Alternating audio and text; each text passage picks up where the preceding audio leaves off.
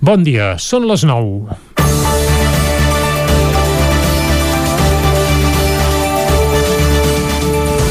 Tornem-hi que no ha estat res. Moltes taules de diàleg, bé, només una i coixa, i molta parafernàlia, però ja tenim un altre president del Parlament de Catalunya i tres membres més de la mesa que són en un procediment penal per haver permès debats parlamentaris.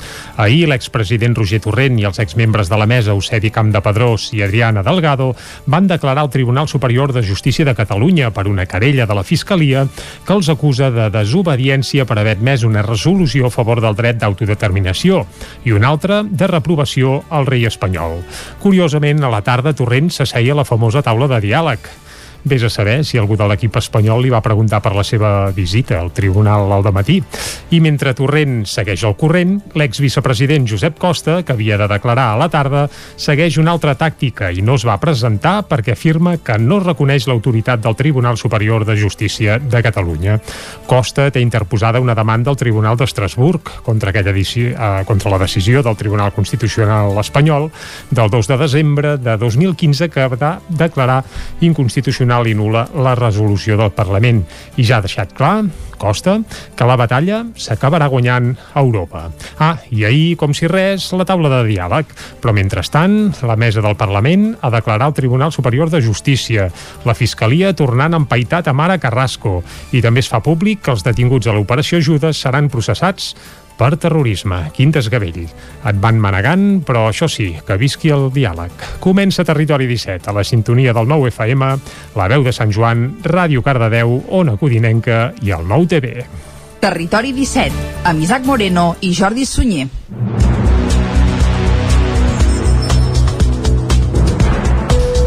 Les 9 i 2 minuts d'avui dijous, dia 16 de setembre de 2021. Comença ara mateix un nou Territori 17 que avui, com sempre, durant la primera hora us acostarà tota l'actualitat de les nostres comarques. Rematarem la primera hora amb música vinculada al Mercat de Música Viva de Vic que va arrencar precisament ahir a l'Atlàntida de Vic i a partir de la segona hora algunes de les seccions habituals dels dijous que ja ens acompanyaven la temporada passada.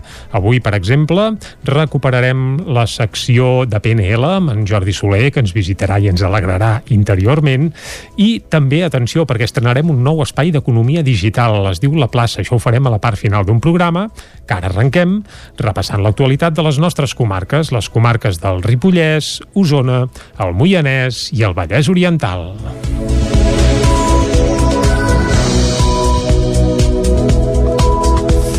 El punt de vacunació que hi ha instal·lat al Sucre de Vic des de principis de març tancarà portes a finals d'aquest setembre.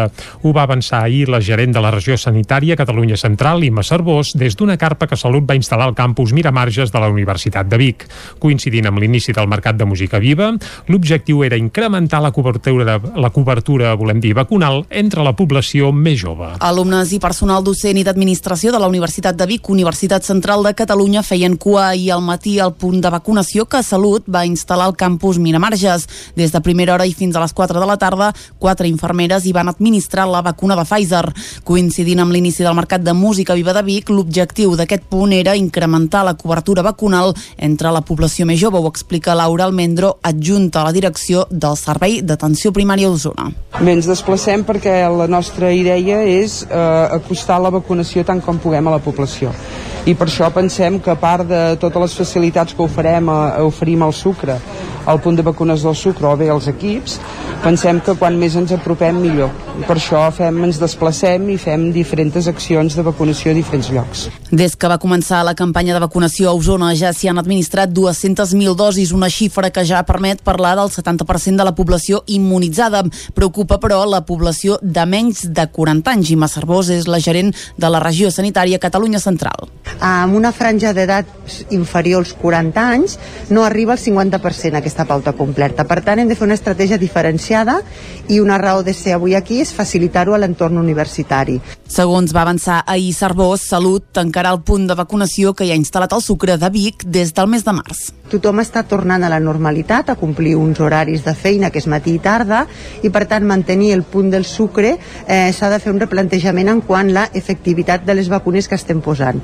Nosaltres fins a final de setembre el tindrem obert, però sí que després ubicarem un espai diferenciat per per tant el sucre es tancarà i buscarem un espai on segurament aplicarem la vacuna de la grip perquè la gent amb cita pugui vacunar-se de la Covid. A partir de llavors, la campanya continuarà als centres d'atenció primària i en d'altres punts específics. Només dos dels 19 pobles del Ripollès, a part de Vidrà, han participat del procés d'ampliació de capital de l'escorxador comarcal. Isaac Muntades, des de la veu de Sant Joan. L'ampliació de capital proposada per valor de 60.000 euros que s'ha de fer a l'escorxador comarcal del Ripollès, que supervisa l'Agència de Desenvolupament del Ripollès, no ha tingut la resposta esperada, segons va informar la presidenta d'ERSA, Manoli Vega, en el darrer Consell d'Alcaldes i Alcaldesses. Actualment, l'associació societat està participada per organismes privats i públics i dels 19 municipis de la comarca només n'hi ha 5 que en són socis més Vidrà, a la comarca d'Osona. Vega va recordar que l'agència ha enviat una carta per demanar la col·laboració dels ajuntaments i de moment només Ripoll, Sant Joan i Vidrà han participat en el procés de l'ampliació. Camp de Bànol, Camprodon, Sant Pau, Llanàs, Gombrèn, Vallfogona, Set Cases i les Llosses van mostrar-s'hi favorables, mentre que Ribes, Molló, Planoles, Ugassa, Carals, Vilallonga, Pardines, Campelles i Toses encara no han dit res. Vega va insistir en que cal saber quins ajuntaments hi participaran per tenir una fotografia general de la situació més nítida. Sí que necessitaria saber, i aviam, hi donaria un plaç fins a finals de, de setembre per saber i a on arribem i qui vol participar, qui vol estar dintre de, de l'escorxador. M'agradaria doncs, que els que han dit que sí doncs, poguessin dir quan, si pot ser aquesta anualitat 2021 o pot ser per l'anualitat 2022, i els que no han respost, doncs, saber si, si no respondre vol dir sí, no, com a mínim saber alguna cosa, no? perquè doncs, jo penso que ens hem de poder fer la fotografia de com està doncs, a nivell de l'ampliació de capital l'escorxador de, del Ripollès. De fet, des de les Llosses i Carals van comentar que hi volen col·laborar, però que no poden ser-ne socis perquè estan sotmesos a un pla econòmic i financer, mentre que Ribes contestarà que sí aviat, però va demanar una reunió per parlar sobre el futur del centre de recollida de senglars que hi ha instal·lat al seu municipi. Al plenari també va participar-hi la representant d'Unió de Pagesos al Ripollès, Raquel Serrat, que va assegurar que la viabilitat de moltes explotacions de la comarca depèn de matar els seus animals a Ripoll. També va aprofitar l'altaveu per renyar alguns dels consistoris. Ens costa entendre com des de totes les administracions us poseu a la boca la paraula de proximitat, la paraula doncs, que s'ha de defensar el sector primari i que quan ja teniu a les mans l'oportunitat de fer-ho, doncs no responeu com, com s'hauria de fer. No? Tal com anunciàvem a la Carta d'Unió de Pagesos, quan el termini per dir si es vol ser-hi o no eh, s'acabi, doncs farà, farem una nota de premsa dient quins eh, ajuntaments han participat i quins no, perquè crec que també tot el sector primari de la comarca té dret a saber qui es representa veritat i, i qui no. no? Què suposa un excursió com aquest doncs, els petits productors de la nostra comarca, que molts eh, de la viabilitat de les seves explotacions depèn de poder matar els seus animals aquí. Cal recordar que l'actual Departament d'Agricultura i Acció Climàtica va aprovar una subvenció de 100.000 euros per tal d'adequar l'espai a la normativa i fer-hi millores, mentre que el Consell Comarcal hi destinarà 25.000 euros del Pla de Reactivació Econòmica que s'aprovarà al proper ple d'aquest mes. En total s'hi han d'invertir 125.000 euros. Al principi ho volien pagar en dues anualitats de 65.500 euros el 2021 i el 2022. El del 2021 es va poder complir per falta de temps i de fons. Tot i això, sembla que els hi permetran fer el 2022 sense perdre la subvenció. A l'escorxador també s'hi han fet unes millores per valor de 26.000 euros.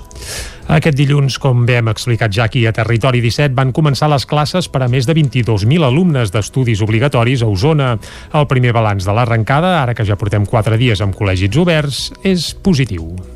Les mesures anticovid a les escoles són similars a les de l'any passat, amb mascaretes a les aules a partir de primària. A l'exterior, però, sí que es pot treure la mascareta sempre que s'estigui dins del grup bombolla. A part d'arrencar el curs a primària i a secundària, dilluns també van començar les classes d'alguns estudis no obligatoris, com els de cicles formatius que ofereix l'Escorial de Vic. En aquest cas, el director del centre, Ramon Rial, destacava que la presencialitat és vital. En els cicles formatius és un element essencial moltes assignatures, molts mòduls estan formats per tallers, tallers pràctics, aspectes que difícilment es poden ensenyar darrere d'una pantalla. Per tant, entenc que, que l'esforç per, per fer-ho presencial és, ha de ser necessari.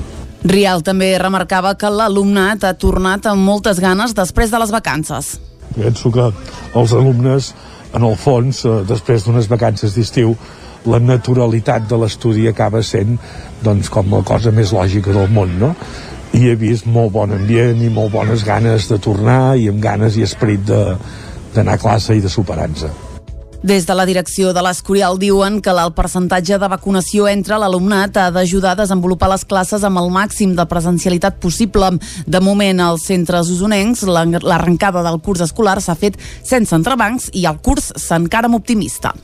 Ahir dimecres es va posar en marxa una nova edició del Mercat de Música Viva de Vic. Ho va fer amb les primeres presentacions i xerrades pels programadors i també amb el concert inaugural a càrrec de Jansky. L'edició d'enguany és més presencial, amb una seixantena d'actuacions i compta amb 500 programadors acreditats. La música no deixarà de sonar a Vic fins dissabte. El Mercat de Música Viva de Vic ha arrencat ja de manera oficial la seva 33a edició. Els primers en poder gaudir de les propostes que es presenten aquesta setmana a Vic van ser els programadors i professionals que ahir al matí ja van poder conèixer un avançament del projecte Principis de Coloma Bertran, quartet liderat per la violinista bigatana.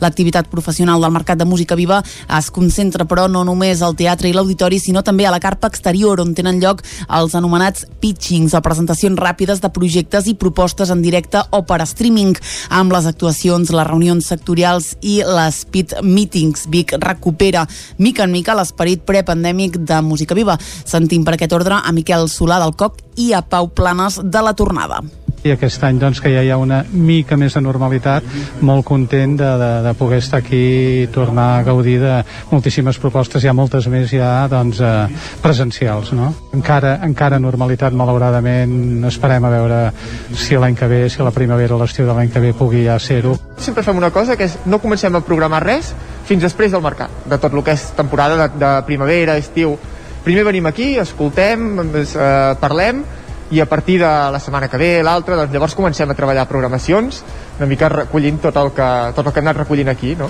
El mercat és una oportunitat perquè professionals de tot el món puguin descobrir i presentar propostes també des de Llatinoamèrica i en concret Argentina. És el cas de María Carrascal, de Agitando Cultura.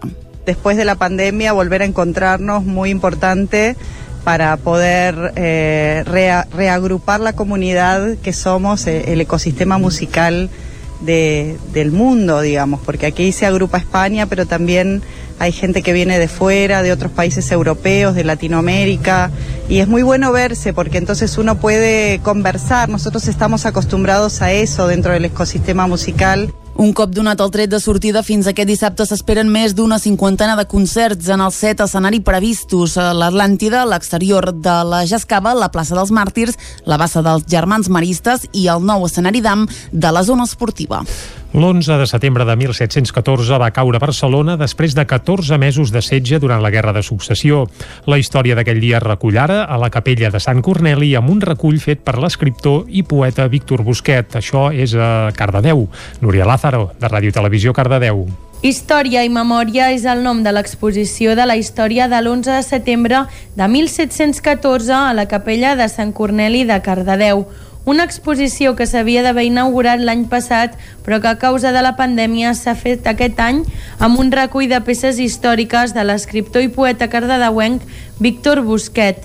Busquet explica la història de Catalunya d'aquell 11 de setembre amb un petit apunt històric de Cardedeu. Víctor Busquet. Pot arribar a entendre que realment va representar el 11 de setembre, no? un trencament total de les institucions i que avui avui eh, podria ser que encara en tinguem les conseqüències de, de 300 anys enrere, eh? segurament que les conseqüències les patim. O sigui que realment hi ha, hi ha una, una història darrere que val la pena de conèixer i, i conèixer què va passar realment. Eh? perquè no és una, una guerra interior ni una guerra no sé què, però és una, una guerra en la qual ens hi vam veure eh, tots abocats i que va tenir unes conseqüències importants pel país. L'exposició estarà a la capella de Sant Corneli fins aquest diumenge 19 de setembre. Esports. El rec amb les arcaldes es prepara l'inici de l'hoquei Lliga passant pàgina de la desfeta contra el Liceu a la Supercopa. Caral Campàs, des d'Ona Codinenca. Després de tancar una temporada excel·lent, els de la Vila Termal aspiren ara a sumar un esclau. Els calderins encaren amb optimisme l'inici de l'hoquei Lliga. De moment, el primer repte serà guanyar a Girona contra una de les defenses més dures de la Lliga.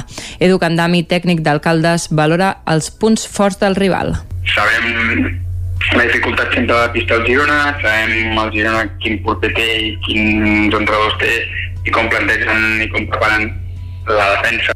I bé, i a partir d'aquí doncs, doncs estem parlant amb els jugadors, sobretot de tenir molta paciència, que ens trobem un equip molt tancat, amb una pista que és la més gran que lliga, que sempre és molt complicada, Tot i la contundent derrota que van patir contra el Liceo a la Supercopa, Candami valora positivament les fases del partit en què els calderins van dominar a un conjunt tan potent com el gallec. Fent una molt bona segona part on durant diversos minuts o moments vam estar doncs, controlant el Liceo i fent dinar i aquest és una mica doncs, el, el que volem seguir no? i és el que vam treure positiu. Tots van tenir bones sensacions i, i aquest va ser la clau, no? El partit que obrirà la temporada pels calderins serà aquest proper diumenge a les 4 de la tarda a la capital gironina. El Club Patí Voltregà ha presentat les tres noves incorporacions que tindrà l'equip femení aquesta temporada. Es tracta de Paula Ferron, Mar Franci, Uxue Otegui, totes tres amb experiència a l'hoquei Lliga i que han, fet, han de fer perdó, possible que l'equip de Sant Hipòlit segueixi a l'elit de l'hoquei estatal i europeu. El Voltregà femení d'aquesta temporada tindrà moltes cares noves noves i és que en acabar la temporada passada fins a quatre jugadores van acabar deixant el club. La capitana Motxa Barceló va penjar els patins, Teresa Bernades es va agafar un any sabàtic i Judit Burgaia també va deixar l'equip blanc i blau ja que aquest any fa un doctorat a Alemanya. A aquestes tres baixes a última hora també s'hi va afegir la de la portera Vicky Careta que ha fitxat pel Liceu. Des del club, per tant, ja tenien clar que a part d'apostar per la base calia reforçar-se i ho han fet amb tres jugadores que ja tenien experiència a l'Hockey Lliga. Ramon Sitjà és el president del Club Patí Voltregà. Totes tres han jugat a l'Hockey Lliga, per tant, eh, estem parlant de, de jugadors que ja es coneixen l'ofici i saben molt bé de, de què va, no? El primer fitxatge és el de Paula Ferron, que ve del Palau, amb qui ha guanyat tres lligues. Espero que, que sigui el millor possible aquesta lliga i que lluitem per tot i, i ojalà guanyar-ho tot. El segon fitxatge del Voltregà és el del Mar Franci, que ve del Vilassana. Si va escollir Sant Hipòlit, té clar que és pel caliu d'hoquei que respira el poble. Tot i ser un poble molt petit, doncs el hoquei es viu moltíssim i la il·lusió de veure les grades plenes i així viure el hoquei d'aquesta manera, doncs jo crec que m'ha decantat venir cap aquí. I el darrer reforç és el de la portera Uxue Otegui, que fins ara militava al Manlleu. Venim amb moltes ganes de començar ja, perquè s'ha fet llarg l'estiu, i ara doncs anar mica en mica, entreno, entreno partit a partit, intentant millorar i aportant tot el que puguem per intentar lluitar tots els partits. Els canvis del Voltregà femení no acaben aquí, ja que també estrenarà entrenador. Mia Ordeig deixa la banqueta i el relleu el pren Oriol Pere Arnau, a qui el club ja va presentar fa uns dies. I fins aquí el butlletí informatiu que us hem ofert amb Clàudia Dinarès, Núria Lázaro, Caral Campàs i Isaac Muntades. Ara toca parlar del temps. que ens espera per avui? De seguida ho sabrem de la mà d'en Pep Acosta.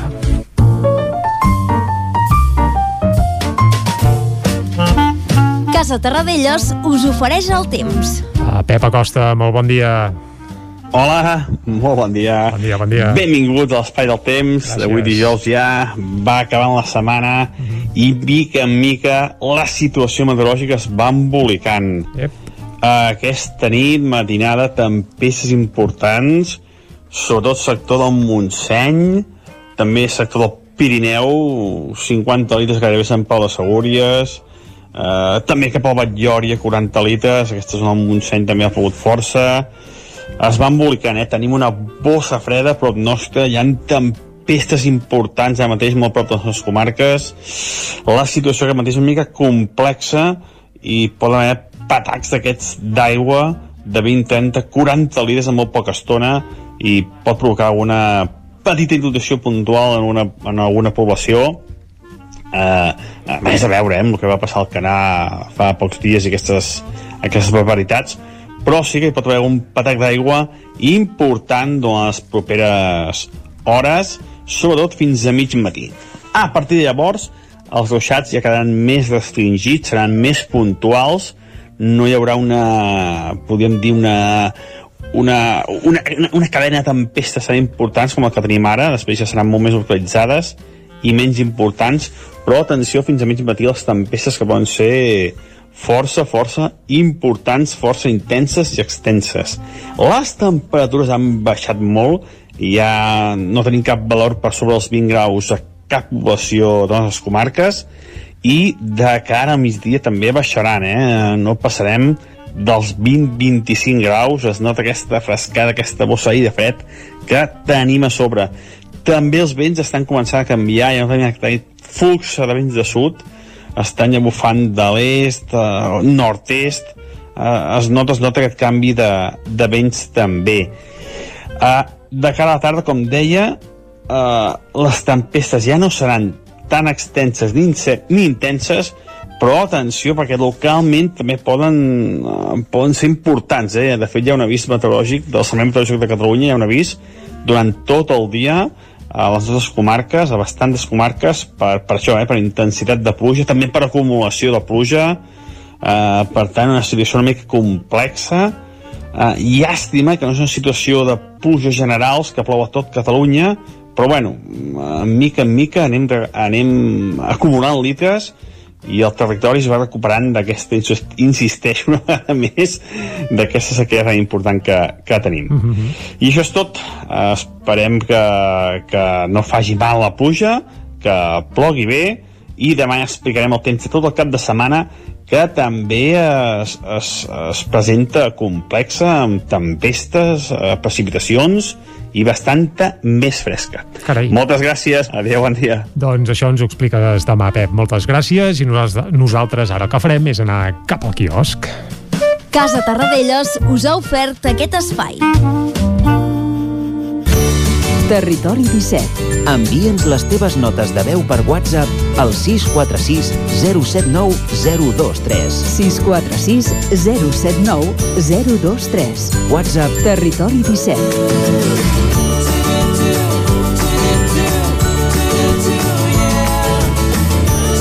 Territori 17. Som a Facebook, Twitter i Instagram amb l'usuari Territori 17.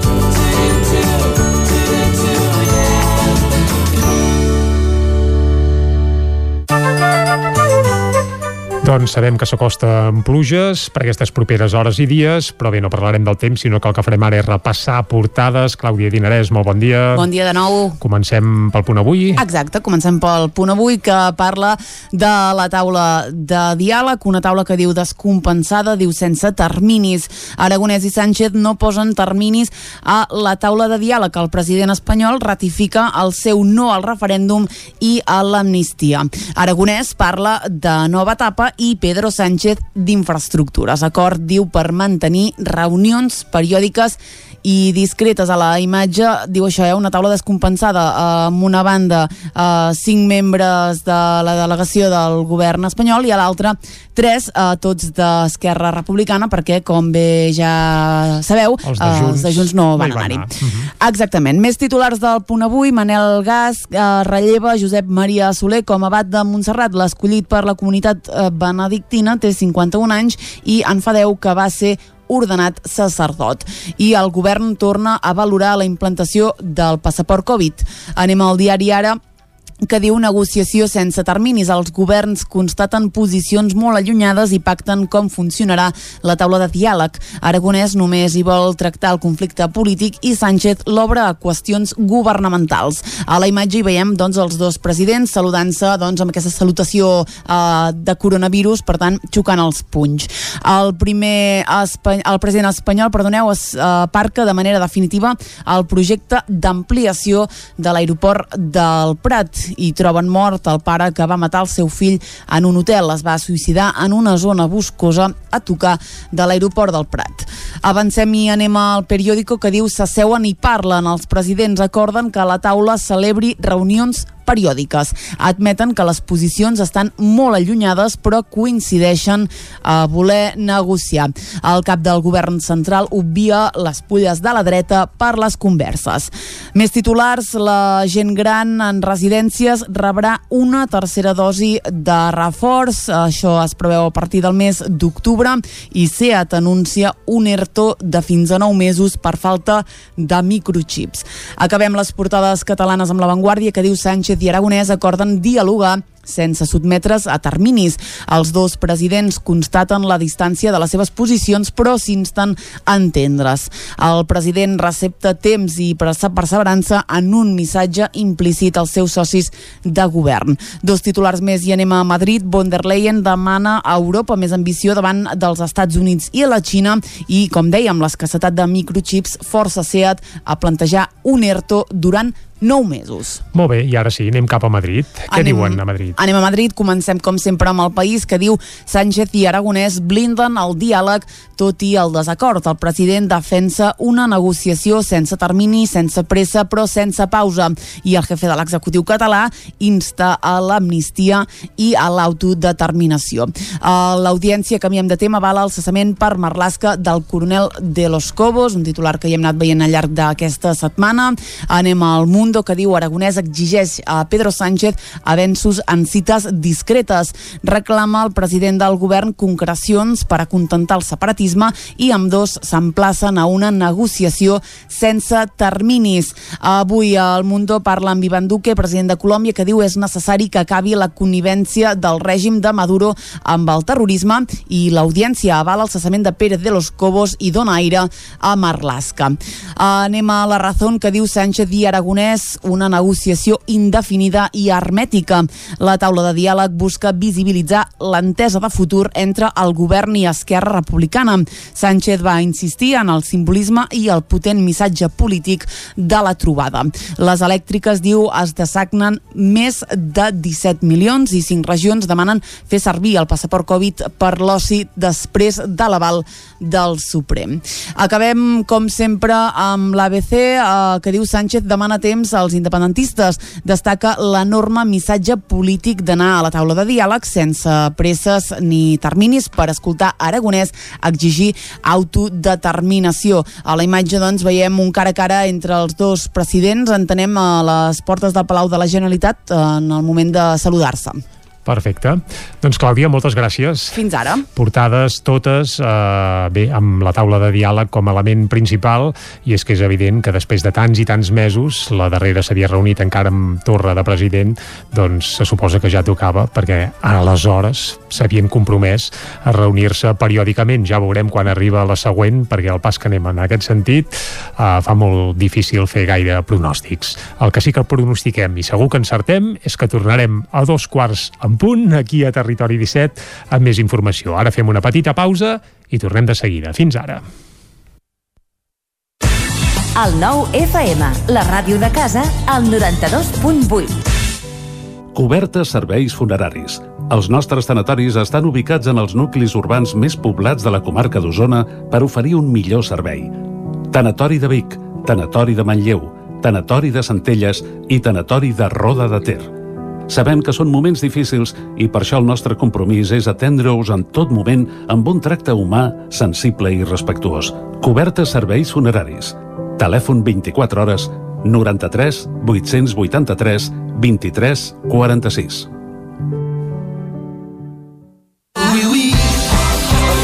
Els idiomes són la teva assignatura pendent? Matricula't anglès o francès a l'EOI Osona, l'Escola Pública d'Idiomes a Vic. Per més informació, consulta la web eoiosona.cat i trobaràs l'oferta de cursos i horaris, així com les bonificacions i exempcions de matrícula. També ens pots trucar al 93 889 3830 a partir de l'1 de setembre. Mudances a la carta. Som especialistes en muntatge i desmuntatge de mobles. Oferim servei de guardamobles i fem mudances a tot el territori. Trasllats de pianos i peces delicades i també fem embalatge i protegim. Mudances a la carta. Serveis adaptats a cada client. Ens trobaràs al telèfon 605 04 34 75. El nou Moianès. A partir del 20 de setembre, cada tercer dilluns de mes, amb el 9-9, un suplement especial, farcit de personatges, curiositats i històries singulars. El nou Moianès. La informació de la comarca al teu servei. El nou FM, la ràdio de casa, al 92.8. Arriba la Welders Battle, el primer concurs de soldadura que impulsa Cefosol, el Centre de Formació de Soldadura. Anima't a participar-hi a títol personal o representant la teva empresa o institució. Premis pels guanyadors, obsequis per als participants i moltes sorpreses més. Us esperem el 30 de setembre a Cefosol i col·laboren empreses locals, nacionals i internacionals i l'Ajuntament de Gurb. Apunta't enviant un correu a info arroba. També pots venir de públic. Més informació al nostre canal de YouTube. Cefosol, carrer Sant Roc número 21 de Gurb. Retus 2 a Experts en comunicació visual. Rètols, banderoles, vinils, impressió, plaques gravades, senyalització, display... Rètols Dosart. Ja són 25 anys al vostre servei. Ens trobareu a la carretera de Vic a Olot, número 7, al polígon Malloles de Vic. dosartvic.com Telèfon 93 889 25 88. El nou FM, el nou FM, el nou FM, el nou FM, el nou FM. Territori 17, amb Isaac Moreno i Jordi Sunyer. Dos quarts de deu en punt d'avui dijous, dia 16 de setembre de 2021. Seguim en directe aquí a Territori 17. Ara mateix comença a ploure els, aquí a fora els estudis de, del nou FM. Per tant, com ens ha dit en Pep Acosta, avui sembla que serà un dia passat per aigua i no només al matí, sinó que sembla que al migdia hi hauria una petita treva, però a la tarda podrien tornar els ruixats i tronades. Per tant, si ens escolteu, sapigueu que el paraigua estaria bé tenir-lo a prop, perquè durant tot el dia pot estar remullat. Uh, de seguida us acostem de nou tota l'actualitat de les nostres comarques, però abans ja us avancem tot el menú que tenim des d'ara i fins a les 12 del migdia aquí a Territori 17. A les 10 tornarem amb més informació, entrevistarem a Luca Maceroni, uh, ànima del Germà Aire, un grup que precisament demà estrenarà el seu nou disc uh, aquí, al Mercat de Música Viva de Vic. Germà Aire és una banda usonenca i de seguida coneixerem com es pateguen, detalls del seu nou disc i detalls també del concert que faran demà, un concert, per cert, pel qual ja no queden entrades, perquè s'han exaurit. Què més tindrem al territori 17 d'avui? Doncs també ens visitaran Jordi Soler per alegrar-nos interiorment i parlar-nos de PNL. També parlarem de cinema, perquè som dijous, i avui acabarem amb una estrena, l'estrena del nou espai d'economia digital amb la Maria López. L'espai es diu La Plaça i arribarà a dos quarts tocats de 12 aquí a Territori 17. Per tant, ja veieu que encara ens queda molta teca des d'ara i fins al pic del migdia. El que toca, però, en aquests moments, per seguir, és acostar-vos de nou l'actualitat de les nostres comarques. Ja ho sabeu, les comarques del Ripollès, Osona, el Moianès i el Vallès Oriental.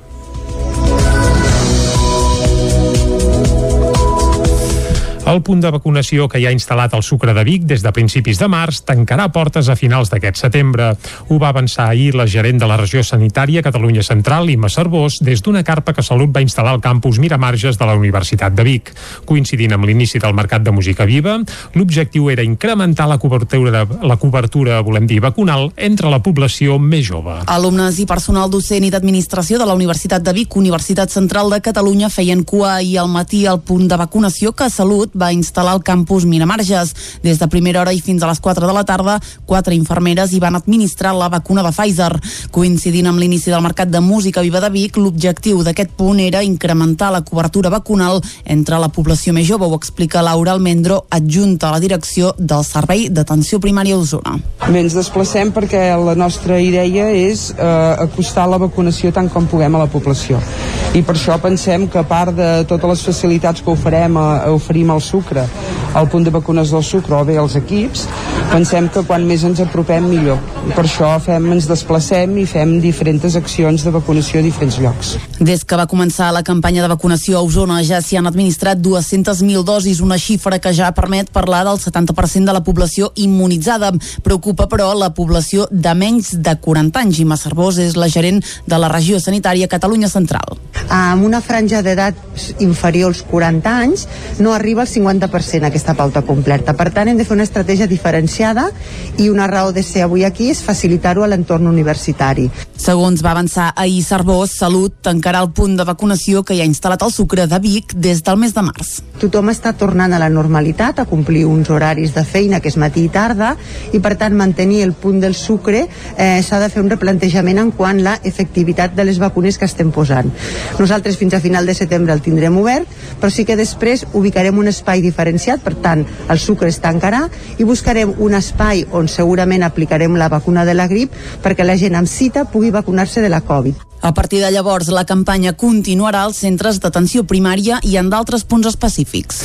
Només dos dels 19 pobles del Ripollès, a part de Vidrà, han participat del procés d'ampliació de capital de l'escorxador comarcal. Isaac Muntades, des de la veu de Sant Joan. L'ampliació de capital proposada per valor de 60.000 euros que s'ha de fer a l'escorxador comarcal del Ripollès, que supervisa l'Agència de Desenvolupament del Ripollès no ha tingut les respostes esperades segons va informar la presidenta d'ERSA Manoli Vega en el darrer Consell d'Alcaldes i Alcaldesses. Actualment la societat està participada per organismes privats i públics i dels 19 municipis de la comarca només n'hi ha 5 que en són socis més Vidrà, a la comarca d'Osona. Vega va recordar que l'agència ha enviat una carta per demanar la col·laboració dels ajuntaments i de moment només Ripoll, Sant Joan i Vidrà han participat en el procés de l'ampliació. Camp de Bànol, Camprodon, Sant Pau, Llanàs, Gombrèn, Vallfogona, Set Cases i les Llosses van mostrar-s'hi favorables, mentre que Ribes, Molló, Planoles, Ugassa, Carals, Vilallonga, Pardines, Campelles i Toses encara no han dit res. Vega va insistir en que cal saber quins ajuntaments hi participaran per tenir una fotografia general de la situació més nítida. Sí que necessitaria saber, i aviam hi donaria un plaç fins a finals de, de setembre per saber i on arribem i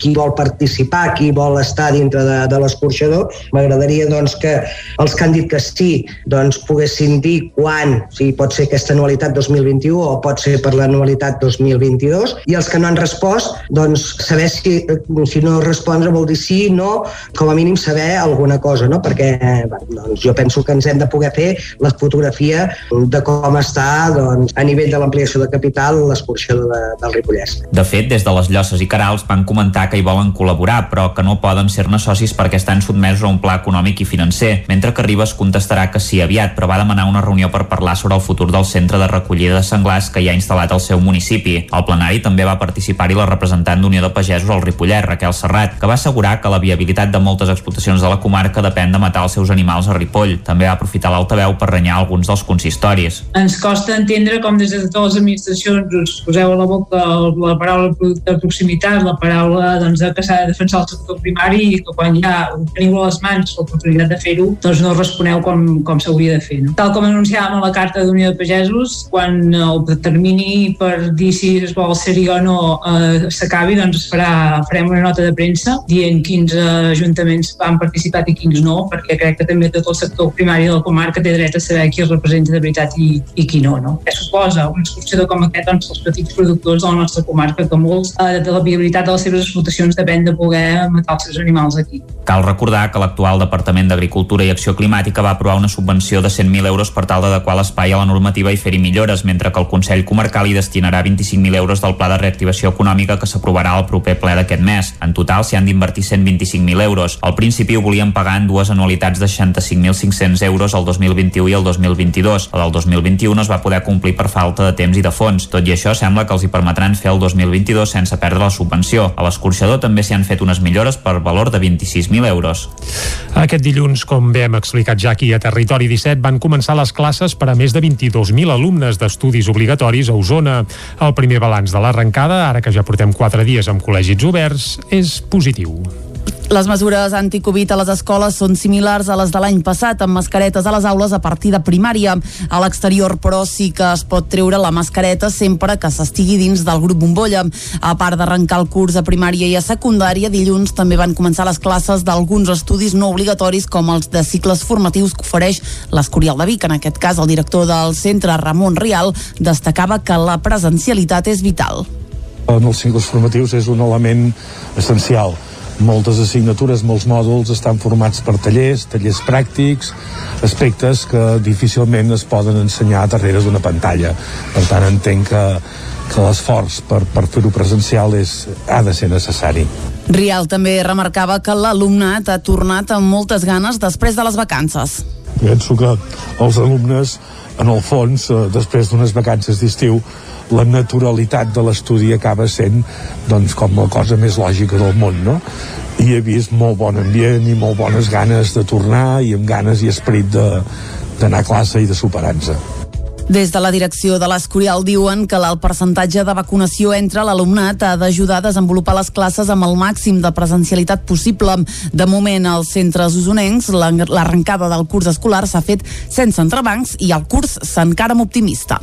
Ahir dimecres es va posar en marxa una nova edició del Mercat de Música Viva de Vic. Ho va fer amb les primeres presentacions i xerrades pels programadors i també amb el concert inaugural a càrrec de Jansky.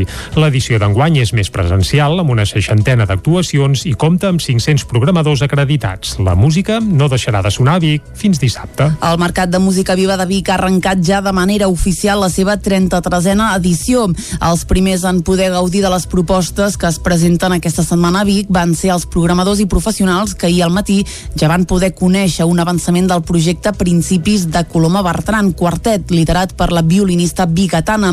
L'activitat professional del Mercat de Música Viva es concentra, però, no només al teatre i l'auditori, sinó també a la carpa exterior, on tenen lloc els anomenats pitchings o presentacions ràpides de projectes i propostes en directe o per streaming, amb les actuacions, les reunions sectorials i les pit meetings. Vic recupera mica en mica l'esperit prepandèmic de Música Viva. Sentim per aquest ordre a Miquel Solà del COC i a Pau Planes de la Tornada i aquest any doncs, que ja hi ha una mica més de normalitat, molt content de, de, de poder estar aquí i tornar a gaudir de moltíssimes propostes, hi ha moltes més ja doncs, eh, presencials. No? Encara, encara normalitat, malauradament, esperem a veure si l'any que ve, si la primavera o l'estiu de l'any que ve pugui ja ser-ho. Sempre fem una cosa, que és no comencem a programar res fins després del mercat, de tot el que és temporada de, de primavera, estiu.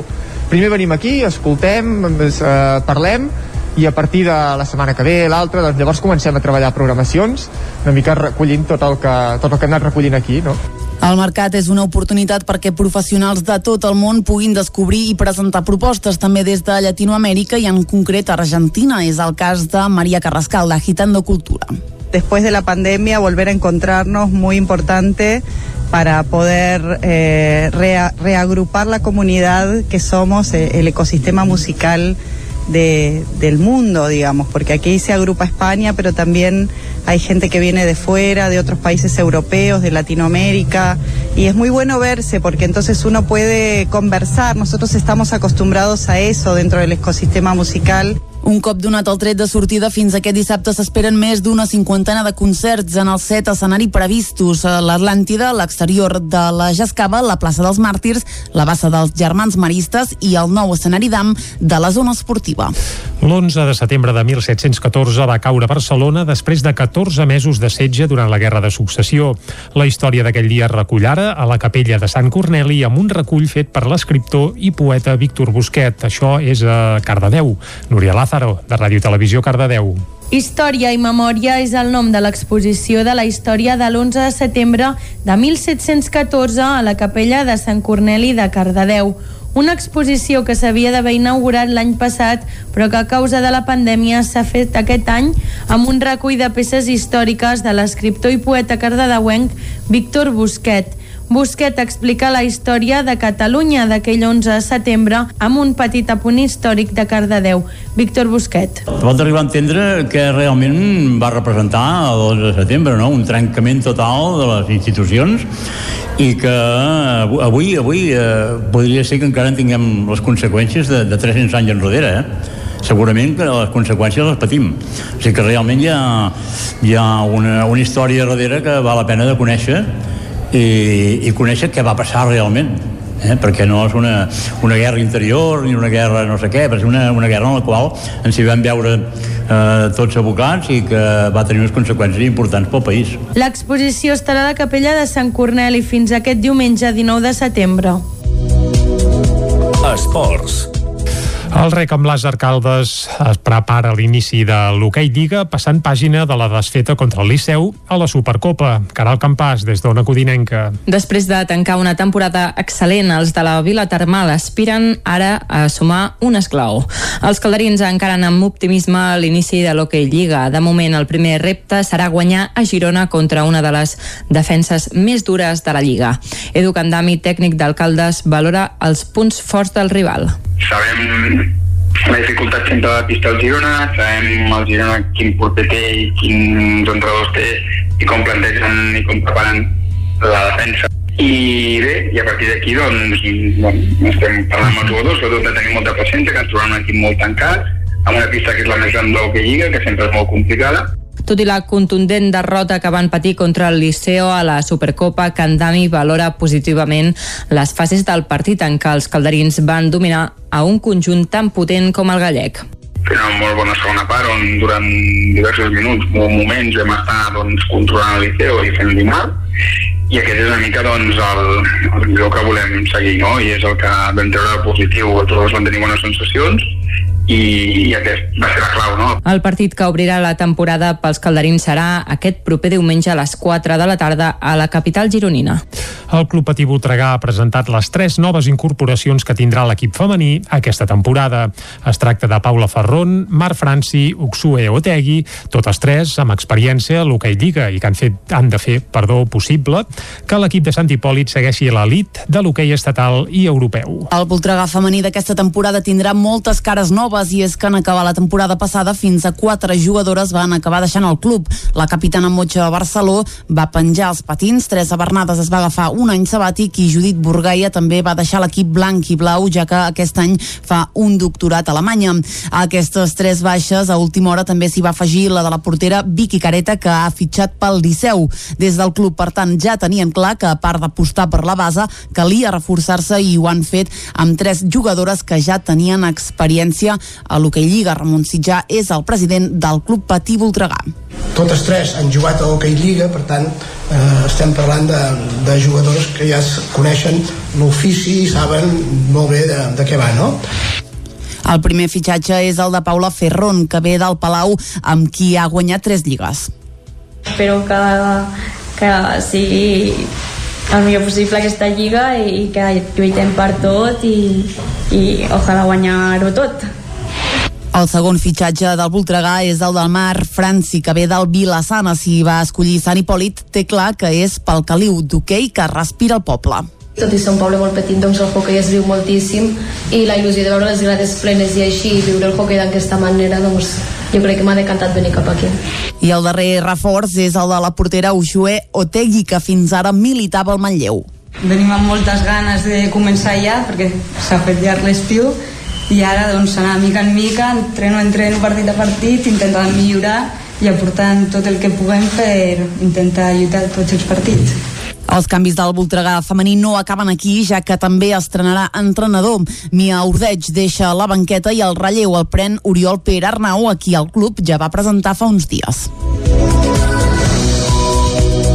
I fins aquí el butlletí informatiu que us hem ofert amb Clàudia Dinarès, Núria Lázaro, Caral Campàs i Isaac Muntades. Ara toca parlar del temps que ens espera per avui. De seguida ho sabrem de la mà d'en Pep Acosta.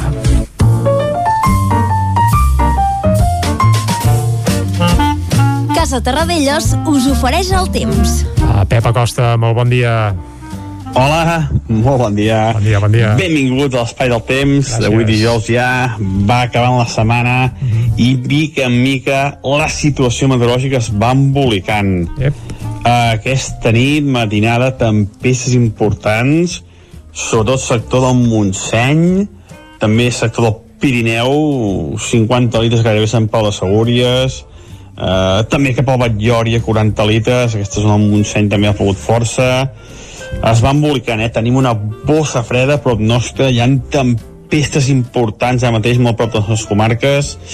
La situació que mateix és una mica complexa i poden haver patacs d'aquests d'aigua de 20, 30, 40 litres en molt poca estona i pot provocar alguna petita inundació puntual en, una, en alguna població. Eh, a més a veure eh, amb el que va passar al Canà fa pocs dies i aquestes, aquestes barbaritats però sí que hi pot haver un patac d'aigua important durant les properes hores sobretot fins a mig matí. A partir de llavors els ruixats ja quedaran més restringits seran més puntuals.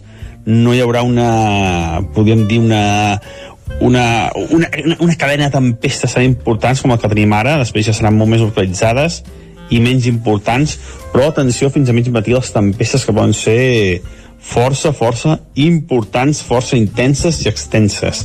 Les temperatures han baixat molt ja no tenim cap valor per sobre els 20 graus a cap població de les comarques i de cara a migdia també baixaran, eh? No passarem dels 20-25 graus, es nota aquesta frescada, aquesta bossa de fred que tenim a sobre també els vents estan començant a canviar, ja no tenim aquest flux de vents de sud, estan ja bufant de l'est, eh, nord-est, eh, es, nota, es nota aquest canvi de, de vents també.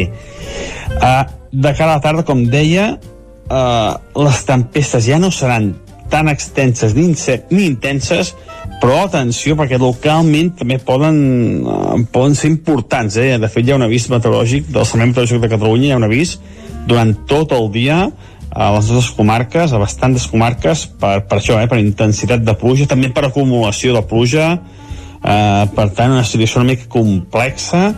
Eh, llàstima que no és una situació de pluja generals que plou a tot Catalunya però bueno, en mica en mica anem, anem acumulant litres i el territori es va recuperant d'aquesta, insisteixo una vegada més, d'aquesta sequera tan important que, que tenim. Uh -huh. I això és tot. Uh, esperem que, que no faci mal la pluja, que plogui bé, i demà explicarem el temps de tot el cap de setmana que també es, es, es presenta complexa amb tempestes, eh, precipitacions i bastanta més fresca. Carai. Moltes gràcies, adéu, bon dia. Doncs això ens ho expliques demà, Pep. Moltes gràcies i nosaltres ara el que farem és anar cap al quiosc.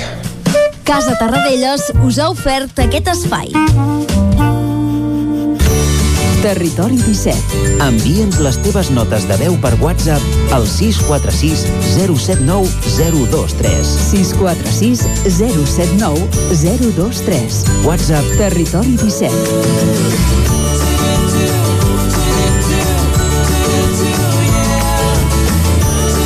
Territori 17. Som a Facebook, Twitter i Instagram amb l'usuari Territori 17.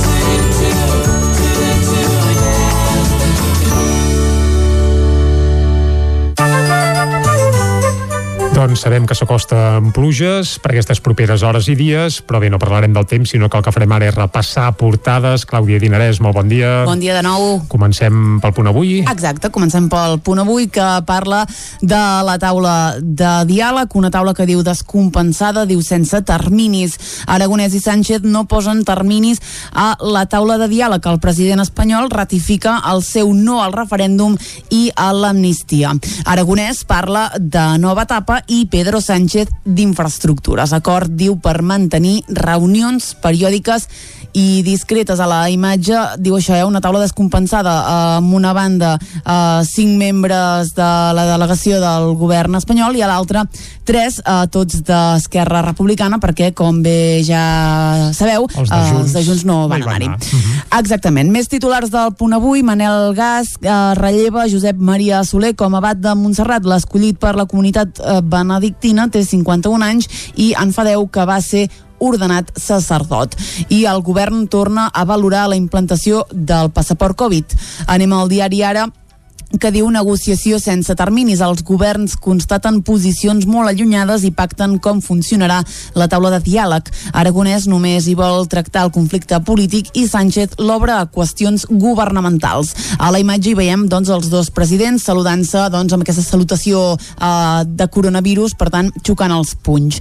El primer el president espanyol, perdoneu, es eh, parca de manera definitiva el projecte d'ampliació de l'aeroport del Prat i troben mort el pare que va matar el seu fill en un hotel. Es va suïcidar en una zona boscosa a tocar de l'aeroport del Prat. Avancem i anem al periòdico que diu s'asseuen i parlen. Els presidents acorden que la taula celebri reunions periòdiques. Admeten que les posicions estan molt allunyades però coincideixen a voler negociar. El cap del govern central obvia les pulles de la dreta per les converses. Més titulars, la gent gran en residències rebrà una tercera dosi de reforç. Això es preveu a partir del mes d'octubre i SEAT anuncia un ERTO de fins a 9 mesos per falta de microchips. Acabem les portades catalanes amb l'avantguàrdia que diu Sánchez Aragonès acorden dialogar sense sotmetre's a terminis. Els dos presidents constaten la distància de les seves posicions, però s'insten a entendre's. El president recepta temps i perseverança en un missatge implícit als seus socis de govern. Dos titulars més i anem a Madrid. Von der Leyen demana a Europa més ambició davant dels Estats Units i la Xina i, com dèiem, l'escassetat de microchips força SEAT a plantejar un ERTO durant 9 mesos. Molt bé, i ara sí, anem cap a Madrid. Què Anem- diuen a Madrid? Anem a Madrid, comencem com sempre amb el país que diu Sánchez i Aragonès blinden el diàleg tot i el desacord. El president defensa una negociació sense termini, sense pressa, però sense pausa. I el jefe de l'executiu català insta a l'amnistia i a l'autodeterminació. A l'audiència, canviem de tema, vala el cessament per Marlaska del coronel de los Cobos, un titular que hi hem anat veient al llarg d'aquesta setmana. Anem al Mundo, que diu Aragonès exigeix a Pedro Sánchez avenços en cites discretes. Reclama el president del govern concrecions per acontentar el separatisme i amb dos s'emplacen a una negociació sense terminis. Avui el Mundo parla amb Ivan Duque, president de Colòmbia, que diu és necessari que acabi la connivència del règim de Maduro amb el terrorisme i l'audiència avala el cessament de Pérez de los Cobos i dona aire a Marlaska. Anem a la raó que diu Sánchez i Aragonès una negociació indefinida i hermètica. La taula de diàleg busca visibilitzar l'entesa de futur entre el govern i Esquerra Republicana. Sánchez va insistir en el simbolisme i el potent missatge polític de la trobada. Les elèctriques, diu, es dessagnen més de 17 milions i 5 regions demanen fer servir el passaport Covid per l'oci després de l'aval del Suprem. Acabem, com sempre, amb l'ABC, eh, que diu Sánchez demana temps als independentistes. Destaca l'enorme missatge polític d'anar a la taula de diàleg sense presses ni terminis per escoltar Aragonès exigir autodeterminació. A la imatge, doncs, veiem un cara a cara entre els dos presidents. Entenem a les portes del Palau de la Generalitat en el moment de saludar-se. Perfecte. Doncs Clàudia, moltes gràcies. Fins ara. Portades totes, eh, bé, amb la taula de diàleg com a element principal, i és que és evident que després de tants i tants mesos, la darrera s'havia reunit encara amb Torra de president, doncs se suposa que ja tocava, perquè aleshores s'havien compromès a reunir-se periòdicament. Ja veurem quan arriba la següent, perquè el pas que anem en aquest sentit eh, fa molt difícil fer gaire pronòstics. Però ara el que farem és deixar enrere eh, taules de diàleg diàleg i parlem de música per alegrar una mica el matí, un matí grisot i foscot, però com música sempre baixa millor. Ja sabeu que estem en la setmana del Mercat de Música Viva de Vic i cada dia fins a arribar al punt de les 10 el que fem és acostar-vos alguna cançó vinculada al mercat. I avui aquí escoltarem és a Cesc Freixes, un cantautor del Penedès que durant una certa època va ser usonenc perquè vivia a Santa Eulàlia de Riu Primer i a més n'exercia de Riu Premarenc perquè només cal escoltar per exemple algun dels seus discos discos on apareixien fins i tot els caramellaires de Santa Eulàlia.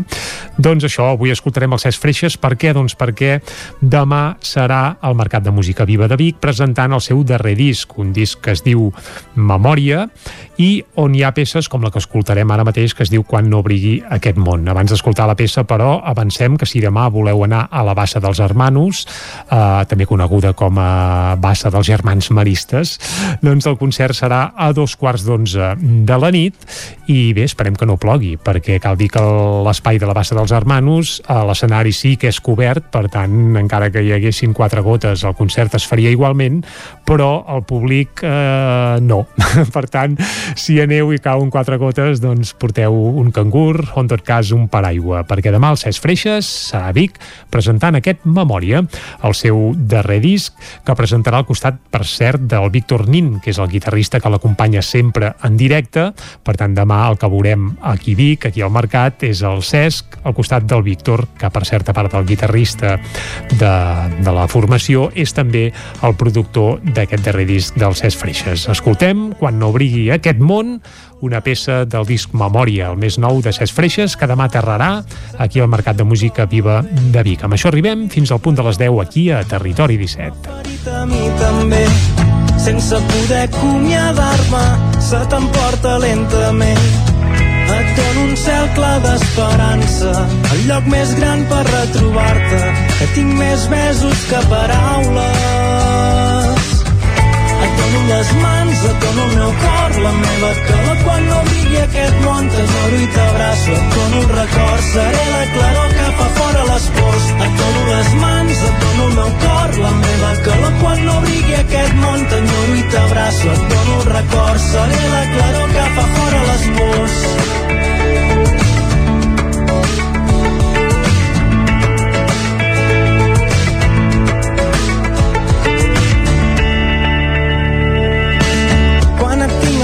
costat.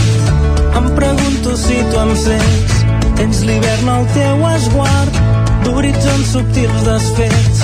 Puc convidar-te a ballar. Pots escapar del no res Potser t'ho puc dir cantant. Pots sentir la meva veu. Et dono un cel clar d'esperança. El lloc més gran per retrobar-te. Que tinc més besos que paraules. Meu cor, la meva calor. Quan no brigui aquest món, t'enyoro i t'abraço, et dono el record, seré la claror que fa fora les pors, et dono les mans, et dono el meu cor, la meva calor. Quan no brigui aquest món, t'enyoro i t'abraço, et dono el record, seré la claror que fa fora les pors, et dono les mans, et dono el meu cor, la meva calor. Quan no brigui aquest món, t'enyoro i t'abraço, et dono el record, seré la claror que fa fora les pors, et dono les mans, et dono el meu cor, la meva calor quan no brigui aquest món, t'enyoro i t'abraço, et dono un record, seré la claror que fa fora les pors.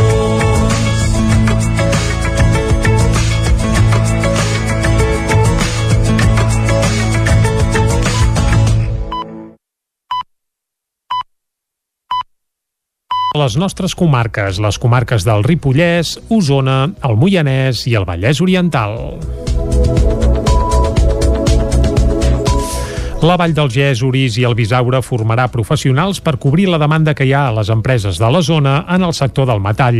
El Consorci impulsarà un pla perquè han detectat que hi ha ofertes de feina, però falten els perfils adequats. Un 40% dels llocs de treball de les indústries dels vuit municipis que integren el Consorci de la Vall del Gès, Orís i Bisaure són del sector metal·lúrgic. Es concentren en 73 empreses que s'ubiquen majoritàriament a Torelló, Sant Quirze i Sant Vicenç. Es tracta d'una especificitat de la zona que en algun àmbit, com el de l'estampació metàl·lica, ha esdevingut un referent fins i tot mundial. El sector té bona salut, però sovint costa trobar treballadors formats sobretot al territori, ja sigui per desconeixement o per manca d'incentius. Natàlia Pérez és la gerent del Consorci de la Vall del Gès és que s'ha de treballar amb això, amb donar a conèixer que el sector de, de la indústria és un sector de futur i que, i que presenta oportunitats. I per això s'ha projectat el programa Treball, Taler i Tecnologia Ocupa't en el sector del metall de la Vall del Gès, Uris i Bisaura. L'objectiu és reforçar empreses, treballadors i desocupats per crear vocacions, tot posant en valor el sector metal·lúrgic. Les accions es desenvoluparan des d'ara i fins a finals d'any i durant el 2022 amb una partida de 77.000 euros que esperen ampliar amb la voluntat també de continuar el projecte a més anys vista.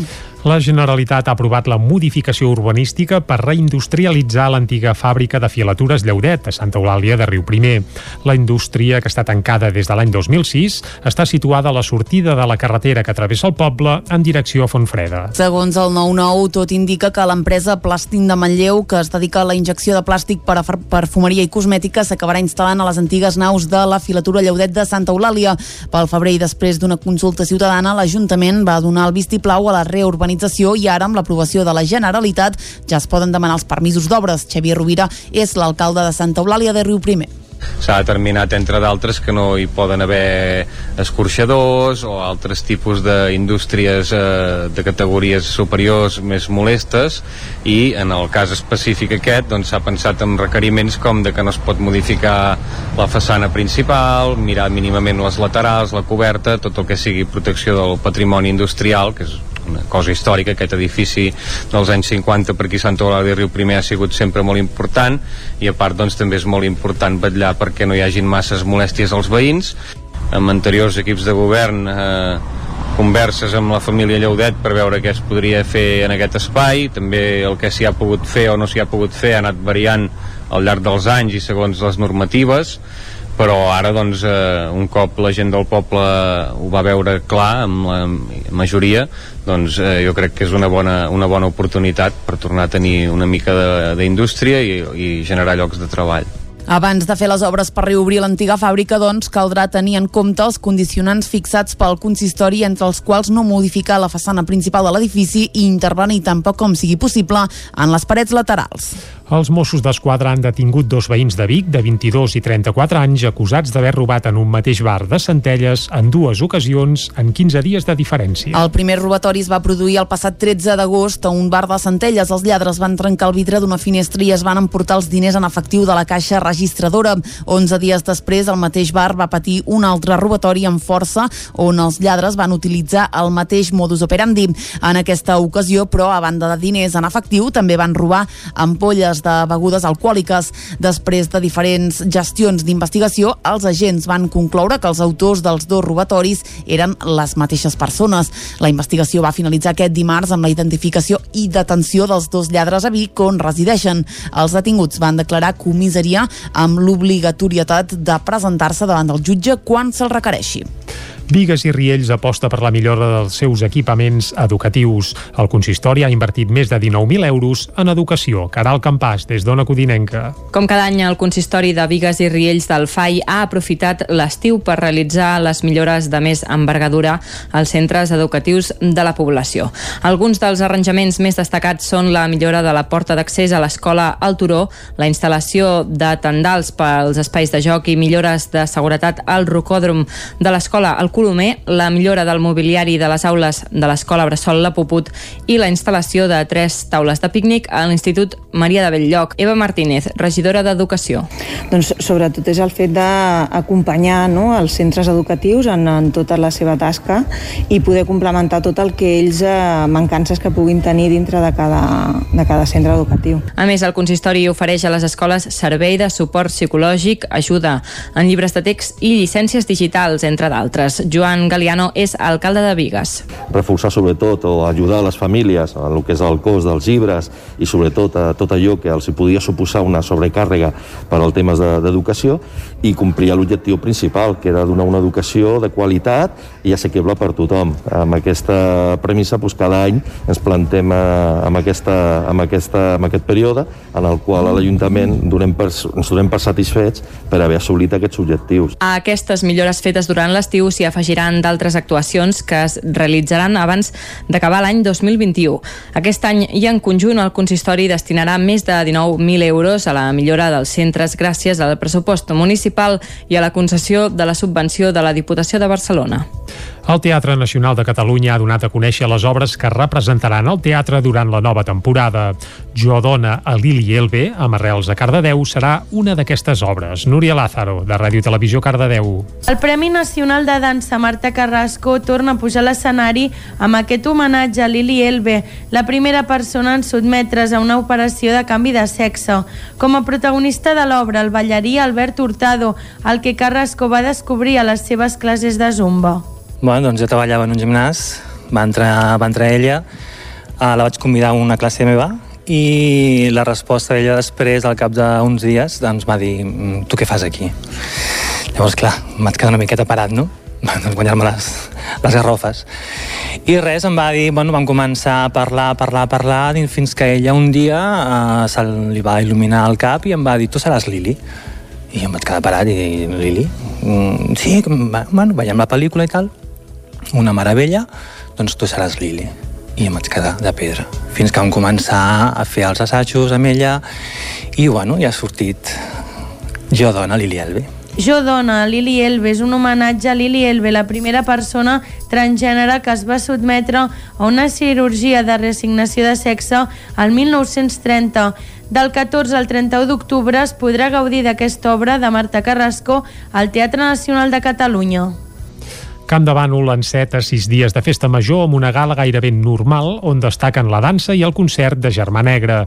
Isaac Muntades, des de la veu de Sant Joan. Després d'un any de parèntesi obligat pel rebrot de Covid-19 que es va viure al setembre del 2020, enguany la gala de Camp de Bànol torna amb força i els candavanolencs esperen viure una festa major gairebé normal. Això sí, l'alcaldessa Dolors Costa ja va advertir que l'ús de la mascareta serà obligatori a tots els actes, fins i tot per entrar a la zona d'atraccions de la plaça de la Mainada. Com sempre, l'acte més esperat serà la ballada de la dansa de la gala de diumenge i dilluns dilluns a la tarda amb les cobles Flama de Farners i Ciutat de Girona, que es dedicarà als sanitaris i als cossos de seguretat que el 2020 van ser claus per la lluita contra la pandèmia. Per l'acte, la plaça de la dansa comptarà amb un aforament màxim per a 350 persones. De fet, els actes més importants s'haurà de reservar entrada. Costa va explicar-ne el funcionament. Com ho farem per adquirir una entrada? Es podrà fer de dues maneres. A partir de dilluns es podrà entrar a la web de l'Ajuntament, no farà falta buscar enlloc perquè ja serà el primer que et sortirà, per tant, tu entres a la web de l'Ajuntament i fas uh, l'adquisició de l'entrada dels actes on tu vols anar. I si no, la gent que no pugui connectar-se a la web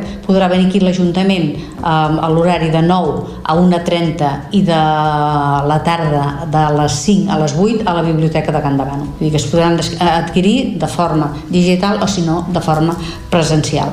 Amb tot, ningú es quedarà sense veure la gala perquè retransmetrà en directe a través de l'Instagram i del Facebook del consistori i també per televisió del Ripollès. La gent jove també tindrà diverses propostes per gaudir de la nit. Els actes començaran més d'hora de l'habitual i el plat estrella serà divendres a la sala Diagonal a les 9 amb el concert de Festa Major que comptarà amb la banda de rock Èxtasis i sobretot amb Germà Negre, el grup de música banyolí d'estil folk i un caràcter molt festiu. La sala tindrà un aforament limitat de 300 persones. El concert del dissabte el faran de Tiets i la banda Viruji, mentre que el grup candanolenc Vintage Rock precedirà el ball del confeti amb la banda Neon i DJ Sendo. L'altra zona musical serà l'espai Nou Vandalis de la piscina amb vermut electrònic dissabte i diumenge al migdia i la Partis Vandalis el dissabte a la tarda. La tradició també tindrà el seu espai amb el concert de l'Orquestra Venus de diumenge a les 7 de la tarda i la Serenata de dimarts, que enguany la farà la principal de la Bisbal i no l'Orquestra Salvatana. També hi ha novetats amb l'elecció de la Pobilla i l'Hereu 2021, ja que la votació sempre es feia el dissabte al matí i enguany s'amplia divendres a la tarda. Els més menuts podran gaudir del concert amb xiula de dissabte i dels Jocs de Fusta i la pedalada BTT del diumenge. La trobada gegantera, la segona fira de la ratafia i la fi de festa amb els focs artificials i el concert del Loro Loro, el grup de la comissió de festes són la resta d'actes destacats. La gala començarà amb el pregó d'aquest dijous amb Boye Polo. La regidora de festa, Sílvia La Torre, explicava qui són. A la sala Diagonal i aquest any eh, estem molt contents perquè ens venen, ens venen a fer el pregó un grup que es diu Oye Polo que ens han dit que és molt, molt canyero, molt feminista, que és el que volem, la imatge que volem donar aquest any de la Festa Major, eh, amb el cartell ja que podeu veure, eh, eh, poder feminista, i aquest, aquest eh, grup és molt, és, és molt adient per fer, per fer això i ens ha agradat molt. El pregó servirà per reinaugurar la remodelada sala diagonal. I fins aquí el butlletí informatiu de les 10 del matí que us hem ofert amb Clàudia Dinarès, Caral Campàs, Isaac Muntades i Núria Lázaro. Nosaltres ara el que farem és refrescar la informació meteorològica en un dia especialment eh, bé, important en aquest sentit perquè avui tenim pluja i sembla que hi ha força moviment. En Pep Acosta ens actualitza la informació de seguida.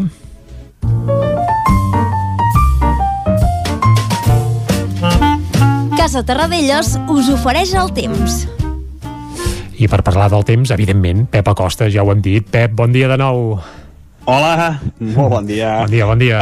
Aquesta nit, matinada, tempestes importants, sobretot sector del Montseny, també sector del Pirineu, 50 litres gairebé Sant Pau de Segúries, uh, també cap al Batllòria, 40 litres, aquesta zona del Montseny també ha pogut força, es va embolicant, eh? tenim una bossa freda prop nostra, hi ha tempestes importants ara mateix molt prop de les comarques. La situació que mateix és una mica complexa i poden haver patacs d'aquests d'aigua de 20, 30, 40 litres en molt poca estona i pot provocar alguna petita inundació puntual en, una, en alguna població. Eh, a més a veure eh, amb el que va passar al Canà fa pocs dies i aquestes, aquestes barbaritats però sí que hi pot haver un patac d'aigua important durant les properes hores, sobretot fins a mig matí. A partir de llavors, els ruixats ja quedaran més restringits, seran més puntuals, no hi haurà una, podríem dir, una, una, una, una cadena de tempestes tan importants com la que tenim ara, després ja seran molt més localitzades i menys importants, però atenció fins a mig matí les tempestes que poden ser força, força importants, força intenses i extenses. Les temperatures han baixat molt, ja no tenim cap valor per sobre els 20 graus a cap població de les comarques, i de cara a migdia també baixaran, eh? no passarem dels 20-25 graus, es nota aquesta frescada, aquesta bossa de fred que tenim a sobre. També els vents estan començant a canviar, ja no tenim flux de vents de sud, estan ja bufant de l'est, eh, nord-est, eh, es, nota, es nota aquest canvi de, de vents també. Eh, de cara a la tarda, com deia, eh, les tempestes ja no seran tan extenses ni, ni intenses, però atenció perquè localment també poden, eh, poden ser importants. Eh? De fet, hi ha un avís meteorològic del Servei Meteorològic de Catalunya, hi ha un avís durant tot el dia a les nostres comarques, a bastantes comarques, per, per això, eh, per intensitat de pluja, també per acumulació de pluja, eh, per tant, una situació una mica complexa, llàstima que no és una situació de pluja generals que plou a tot Catalunya, però bueno, en mica en mica anem, anem acumulant litres i el territori es va recuperant d'aquesta, insisteixo una vegada més, d'aquesta sequera tan important que, que tenim. I això és tot. Uh, esperem que, que no faci mal la pluja, esperem, que plogui bé, mm -hmm. i demà explicarem el temps de tot el cap de setmana que també es, es, es presenta complexa amb tempestes, eh, precipitacions Carai. i bastanta més fresca. Moltes gràcies, mm. fins demà. Adéu, doncs, bon dia. Vinga, moltes gràcies a tu, Pep. Estarem al cas de la previsió demà per saber el temps que ens espera pel cap de setmana, un cap de setmana de mercat de música viva de Vic, això sí, un mercat sense concerts al carrer, sense caliu a les places i carrers, perquè encara estem en època de pandèmia. De seguida parlem del mercat amb un dels artistes que hi estrenaran gran disc demà, concretament el Germà Aire, un grup usonenc molt i molt interessant del qual de seguida en coneixerem alguns detalls més. Ara una breu pausa de mig minut i de seguida ens hi capbussem quan ens acostem ja a un quart d'onze del matí aquí a Territori 17. Fins ara. Casa Tarradellas us ha ofert aquest espai. Territori 17. Envia'ns les teves notes de veu per WhatsApp al 646 079 023. 646 079 023. WhatsApp Territori 17.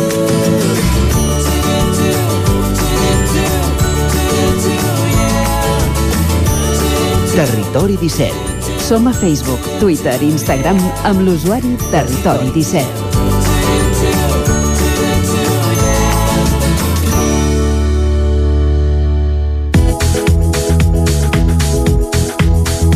Passa mig minutet d'un quart d'onze del matí, seguim en directe aquí a Territori 17 i ara volem parlar amb una de les bandes que precisament demà divendres, a un quart d'onze de la nit, estrenaran disc en directe en el marc del Mercat de Música Viva de Vic. Ells són els usonencs Germaire, una banda formada bàsicament pel Luca Mascheroni i eh, també l'Andreu Ribes, que ja ho parlarem de seguida, eh? reforçada amb un parell de músics més en directe, però ara en volem conèixer més detalls i per això saludem el Luca. Luca, molt bon dia.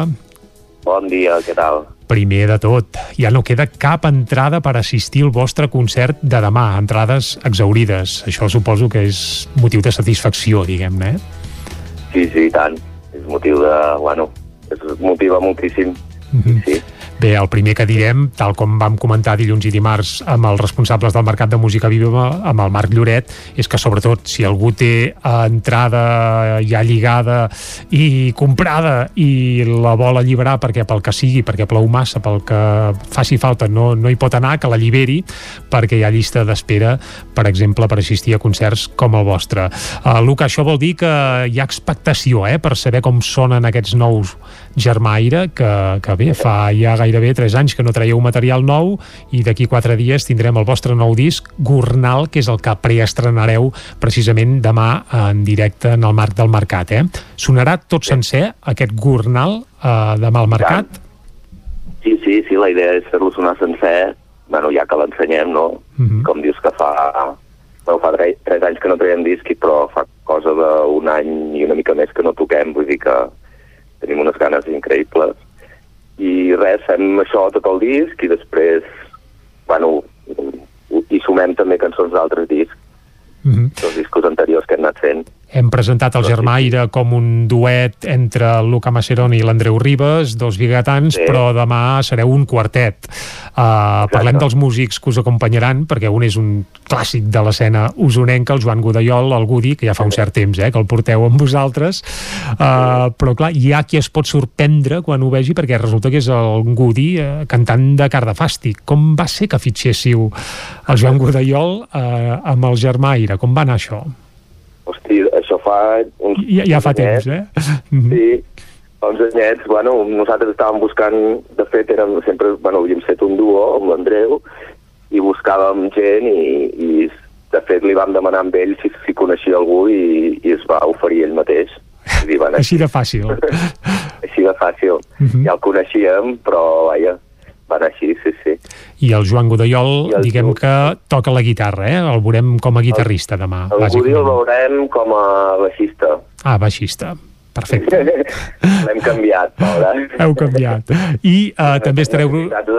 Digues, digues. Sí, no anava a dir, i completarà el quartet uh, un altre biguetà, el teclista Joan Paré, conegut darrerament perquè forma part també dels Palat i Pelut, per exemple, per tant ja veiem que és un xicot ben transversal pel que fa uh, a gènere, perquè toca una mica de tot. En el cas del Joan Paré, com va anar la seva incorporació? Bueno, Joan, d'una manera molt, no, no igual, però, però vaja, bueno, allò que necessites per necessitats de musicals o de, de sonoritat necessitàvem algú que ens fes teclats i, i samples i cosetes més de detalls de, electròniques i, i mira, el coneixíem i li vam demanar i, i va venir encantat, vull dir, no té cap, cap secret. De Parlem- fet, Joan també el coneixia de, de tocar amb ell a la tropa, Exacte, fa uns anys. Uh -huh. no? i mira, com coneixia, el vaig contactar amb ell i, i tal. Parlem d'aquest nou disc, uh, Gornal, sí. és el vostre, uh, ja si no comptem maquetes, el vostre ja tercer disc, un disc, un, home, en teoria us ha de consolidar una mica a la primera divisió, diguem-ne, del pop metafísic nacional, no? Uh, I el vau gravar, a més a més, amb el Petit de Calaril, amb el Joan Pons, per tant no us hi vau Sí. posar per poc. Quan és que decidiu anar, entre cometes a totes, i anar a gravar uh, amb el Petit de Calaril? Bueno, amb el Joan, és que amb el Joan hem anat gravant ja des de que... Clar, ja us coneixeu de fa molts anys, també, és evident, eh? De fet, vam, sí, sí, vam començar gravant amb els Mates Mates, que és una banda que teníem abans de Germaire, Uh -huh. i el vam conèixer amb els Mates Mates, de fet, que teníem un MySpace i vam contactar amb ell a través del MySpace. I Uf, això, això sona gairebé a arqueologia, eh? Sí, sí. Sí, sí, li vam ensenyar el nostre MySpace i mira, i vam gravar un disc que som els Mates Mates i Mhm. de fet hem gravat tots els discos amb ell i, i hem continuat amb ell Mhm. no, bueno, és allò que, que t'acostumes i com que estem tan a gust i ens treu un so molt guapo i cada vegada treballem de formes una mica diferent i, i no sé, i estem molt a gust i anem repetint amb ell El que sí que canvia amb aquest nou disc de Germaire és la vostra discogràfica. Passeu a formar part del repertori de Hayden Track Records, al costat, per exemple, del Ferran Palau, de l'Anna Andreu. Eh, com ha sigut aquest canvi? Vaja, ells ens feien... Bueno, nosaltres estàvem amb Fameli, que, que va desaparèixer, Uh -huh.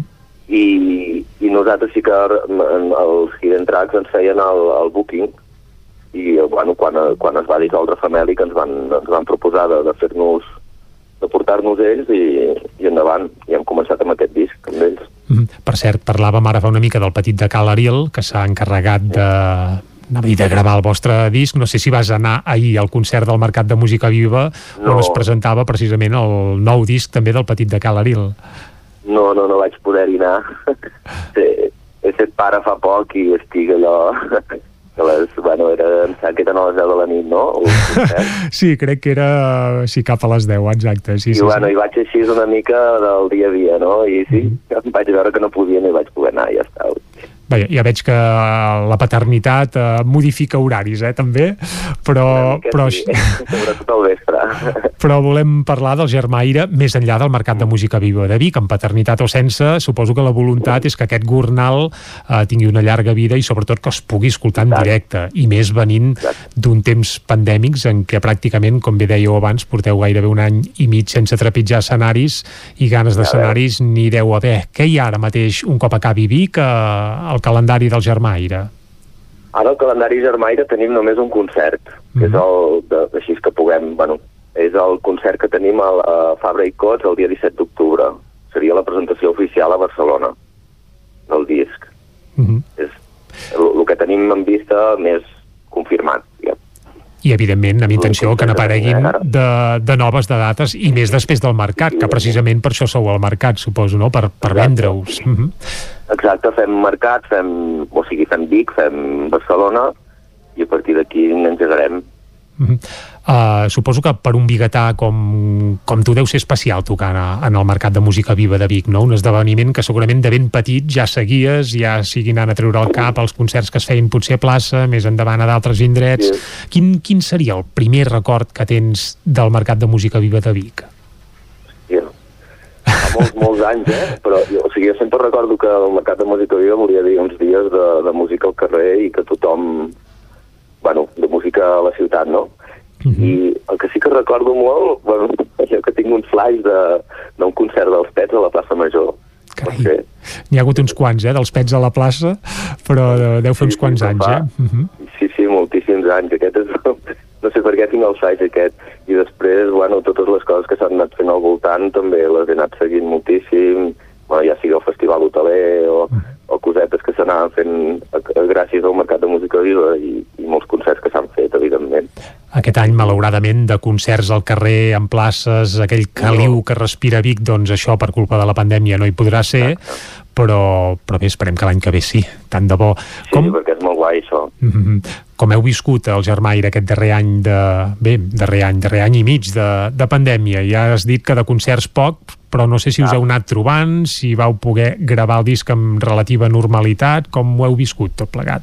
Bueno, vam gravar el disc una mica en, en forma discontínua, en forma discontínua, vull dir, vam anar com que va, va aparèixer la pandèmia i a mitja gravació, em sembla, o, estàvem decidint d'anar a gravar i va començar tot això del Covid, i llavors doncs, el, el que hem hagut de fer és anar-ho fent una mica saltat.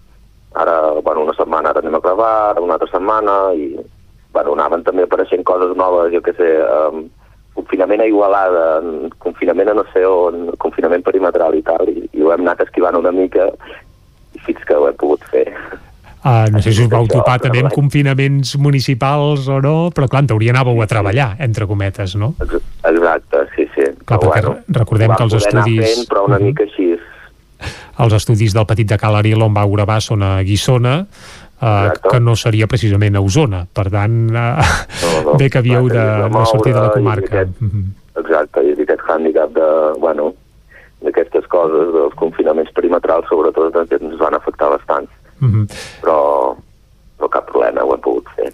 I deies que porteu un any i mig sense trepitjar escenaris. Això és premeditat? Un any i mig? Sí. No, no, ha anat així, eh? Però... Anava a dir, no sé si és culpa de la Covid o ja volíeu prendre-us una mica aquest, uh, aquest respir uh, per carregar piles de cara a un nou treball. No sé si ha estat volgut o això us hi ha portat la Covid evidentment sí que volíem carregar piles i ja està, teníem la, el cap amb, una, amb altre treball i tenim moltes ganes de gravar, però tot i així és el, haguéssim tocat abans segurament. Mm -hmm. I que el Covid ha fet que no toquem en alguns concerts, claríssim.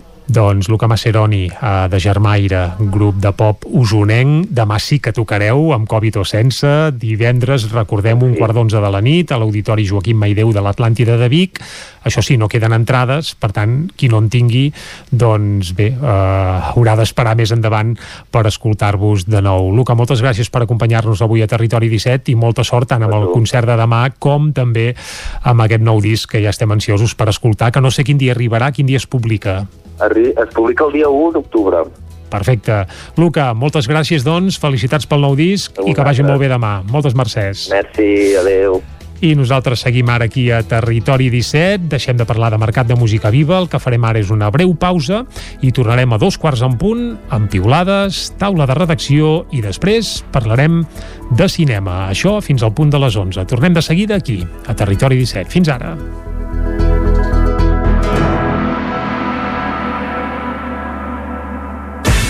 El nou FM, la ràdio de casa, al 92.8. OBS, la marca de moda líder a Itàlia, arriba a Vic amb la col·lecció per nens fins a 15 anys. Vesteix els petits amb roba OBS, peces fabricades amb cotó orgànic pensades especialment per la pell dels infants. El cotó orgànic d'OBS està cultivat sense pesticides i amb un impacte reduït en el medi ambient. OBS, des d'Itàlia per tu. Al carrer Argenters 20 de Vic. Cocodril Club. Si t'agrada la bona música dels anys 60, 70 i 80, escolta el 9 FM als matins de dissabtes i diumenges d'11 a 1. És el temps del Cocodril Club, tot un clàssic de la ràdio, amb les bases del pop-rock, les llegendes, les cançons que s'han convertit en autèntics himnes. Recorda, dissabtes i diumenges al matí, d'11 a 1, al 9 FM 92.8. Cocodril Club el programa Revival de l'Albert Malla. Hasta luego, cocodrilo. Cobertes serveis funeraris. Els nostres tanatoris estan ubicats en els nuclis urbans més poblats de la comarca d'Osona per oferir un millor servei. Tanatori de Vic, Tanatori de Manlleu, Tanatori de Centelles i Tanatori de Roda de Ter. Sabem que són moments difícils i per això el nostre compromís és atendre-us en tot moment amb un tracte humà, sensible i respectuós. Cobertes serveis funeraris. Telèfon 24 hores 93 883 23 46. A Aquari Jordi hi trobaràs periquitos, canaris i tot tipus d'ocells, conills, hàmsters, ratolins, rates índies, peixos tropicals i molt més. Aquaris, tortugues, joguines i tots els complements i menjars per tot tipus d'animals. Aquari Jordi som al carrer Nou número 34 de Vic i també a Instagram. Troba'ns a aquarijordi.com. Oferta de pinços pel teu gat o gos i descomptes en llits, matalassos i joguines. Aquari Jordi us desitja bon mercat de música viva. Mudances a la carta. Som especialistes en muntatge i desmuntatge de mobles. Oferim servei de guardamobles i fem mudances a tot el territori. Trasllats de pianos i peces delicades i també fem embalatge i protegim. Mudances a la carta. Serveis adaptats a cada client. Ens trobaràs al telèfon 605 04 34 75. Arriba la Welders Battle, el primer concurs de soldadura que impulsa Cefosol, el Centre de Formació de Soldadura. Anima't a participar-hi a títol personal o representant la teva empresa o institució. Premis pels guanyadors, obsequis per als participants i moltes sorpreses més. Us esperem el 30 de setembre a Cefosol i col·laboren empreses locals, nacionals i internacionals i l'Ajuntament de Gurb. Apunta't enviant un correu a info arroba. També pots venir de públic. Més informació al nostre canal de YouTube. Cefosol, carrer Sant Roc número 21 de Gurb. El nou FM, el nou FM, el nou FM, el nou FM. Territori 17. Dos quarts d'onze en punt, és el moment de piulades. Ara, Clàudia Dinarès, bon dia de nou. Bon dia de nou. Comencem. Per on Sí. arrenquem avui? Doncs comencem amb una piulada de la Judit Serra que eh, ha començat el dia amb bon humor, malgrat la, la pluja i el que li ha passat. Diu, sense els administradors de la C59 la meva vida no seria el mateix. Eh, la Judit adjunta una fotografia on s'hi veuen dues multes de trànsit. Ara, I clar. alerta perquè en Pep Acosta li diu, benvinguda al club. En té unes quantes, també. Deu tenir unes quantes, li Segur- preguntarem. No són d'aquesta setmana, les d'en Pep Acosta, perquè No, no, tenim a Rotterdam. exacte. Per tant, almenys a la C59 no n'hi han fet cap. Va. Exacte. Més. En fi, uh, comencem, uh, continuem, vull dir, a les piulades amb l'Eva Piqué, que és una tuitaire habitual, uh, que diu, avui algú que feia temps que no veia m'ha dit, ja ens veiem per Twitter. Digueu-me rara, diu, jo per Twitter no us veig. En fi, uh, l'Eva doncs sempre fa reflexions i, i avui ha fet aquesta piulada. Canviem de tema i uh, seguim amb la dinàmica aquesta de parlar de l'inici del curs escolar. La Glòria Gaix diu Avui l'adolescent petita marxa d'excursió. Dilluns, passeig per l'escola. Dimarts, tutoria. Dimecres, l'horari. Demà, si tenim sort, obriran una llibreta. No anem més ràpid, no sigui cas que després de tres mesos de vacances tinguin un trauma. Per tant, veiem que la Glòria està doncs, una mica sarcàstica amb com ha anat l'arrencada a l'escola, en aquest cas d'una de les seves filles. En fi, uh, seguim i canviem de tema. En Sergi diu, si el gat menja millor que jo, es diu i no passa res. Aquí en Sergi el que fa és adjuntar una fotografia amb tot de llaunes de menjar de gat, uh, però unes llaunes que tenen una mena de packaging força glamurós, com si fossin una mena de llaunes de conserva, però de conserva bona. I atenció perquè la Gemma respon. Em consola saber que no estic sola al món, Sergi. Això ja ens fa pensar doncs, que la Gemma també dona bon menjar al seu gat. Diu, el lema és treballa que els gats han de menjar. Carai, doncs treballem, treballem que els gats és evident que han de menjar, només faltaria. Molt bé, i acabem amb, amb tema local, amb Mercat de Música Viva, perquè en Roger Mas ha fet una piulada fa només uns minuts que ha dit ha arribat el dia de l'estrena, cap a Vic. En Carles Santana li diu endavant les atxes, que cremi l'escenari, i a la Clara Rebollo li diu hi serem. Doncs avui Roger Mas estrenarà, preestrenarà el seu nou disc, perquè el disc encara no s'ha publicat, el seu 11è disc ja de la seva carrera en solitari. Uh, L'has escoltat, uh, Clàudia, aquest disc del Una Roger mica, Mas? una mica, una mica. Mm, val, val molt la pena, eh? Hi ha una cançó que vam posar l'altre dia aquí a Exacte. Territori 17, una espècie de rumbeta uh, dedicada precisament a la Carme Ruscalleda, que té certa gràcia. Amb la polla i l'ou. Recordo, el títol també té molta gràcia. Clàudia, moltes gràcies. Que vagi eh? molt bé, fins ara. Vinga, que vagi molt bé i nosaltres ara el que farem és repassar què diuen les portades del 99.cat en aquests moments. Ho farem amb l'Arnau Jaumira. Arnau, molt bon dia. Hola, bon dia.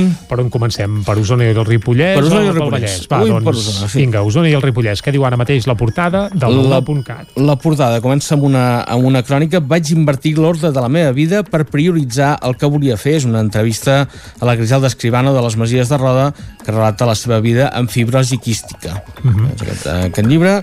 També una altra notícia que hi ha a portada. Poemes per donar veu a les dones en poemes musicals de la Laura Arnal i Mònica Campillo el cicle de jazz forat del pany al Lluçanès. És l'altra de les eh, notícies que hi ha a la portada de, del 99.cat, a l'edició d'Osona, i també el, un relat del concurs de narrativa curta que, que s'ha acabat de, acabat de publicar al diari en paper aquests, aquests dies i si et sembla anem cap a l'edició del Vallès Oriental Exacte, el Vallès Oriental, la portada del 99.cat, ara mateix, què hi trobem? Carreguem ràpidament. Sí. Ara sí, ara sí. És que per, per donar sí, home, actualitzat, La, la tecnologia, i més quan plou, ja sabem que, que no va de bracet amb la velocitat. Sovint, recullen, Eh? recullen firmes a les franqueses per demanar millores al servei del nou CAP de Corró de Vall, Mhm. és el que diu el titular de portada, ens veuen aquesta fotografia com estan recollint eh, signatures per millorar, eh, que Novelles dona a conèixer els camins escolars amb la col·laboració d'un clown, eh, camins per anar, perquè puguin anar directe, segurs per anar cap a, cap a col·le, cap a l'escola. Home, si te'ls uh, si te'ls presenta un pallasso, doncs sempre Doncs té sí, certa Sant- gràcia. Ara no Santi- sé si és la Santi millor Mondragón. manera d'anar bé, per bon camí, i no fer pallassades precisament a prop Sí. de, les, de les vies de circulació, però vaja, això seria un altre tema. Està bé, està bé la iniciativa. Més coses.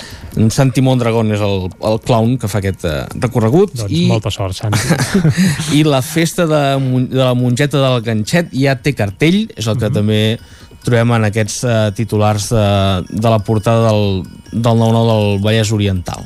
Doncs moltes gràcies, Arnau Jaumira, i quan passen ara 5 minuts i mig del matí, 5 minuts i mig de dos quarts d'onze del matí, seguim aquí a Territori 17 i anirem cap a la taula de redacció. Avui per conèixer alguns detalls lligats a l'evolució del coronavirus, en aquest cas a la comarca d'Osona, perquè sembla que properament el centre de vacunació que hi ha ara mateix al recinte firal del Sucre de Vic tancaria portes. Això ens ho explicarà de seguida la nostra companya Txell Vilamala. La saludem de seguida. Thank you.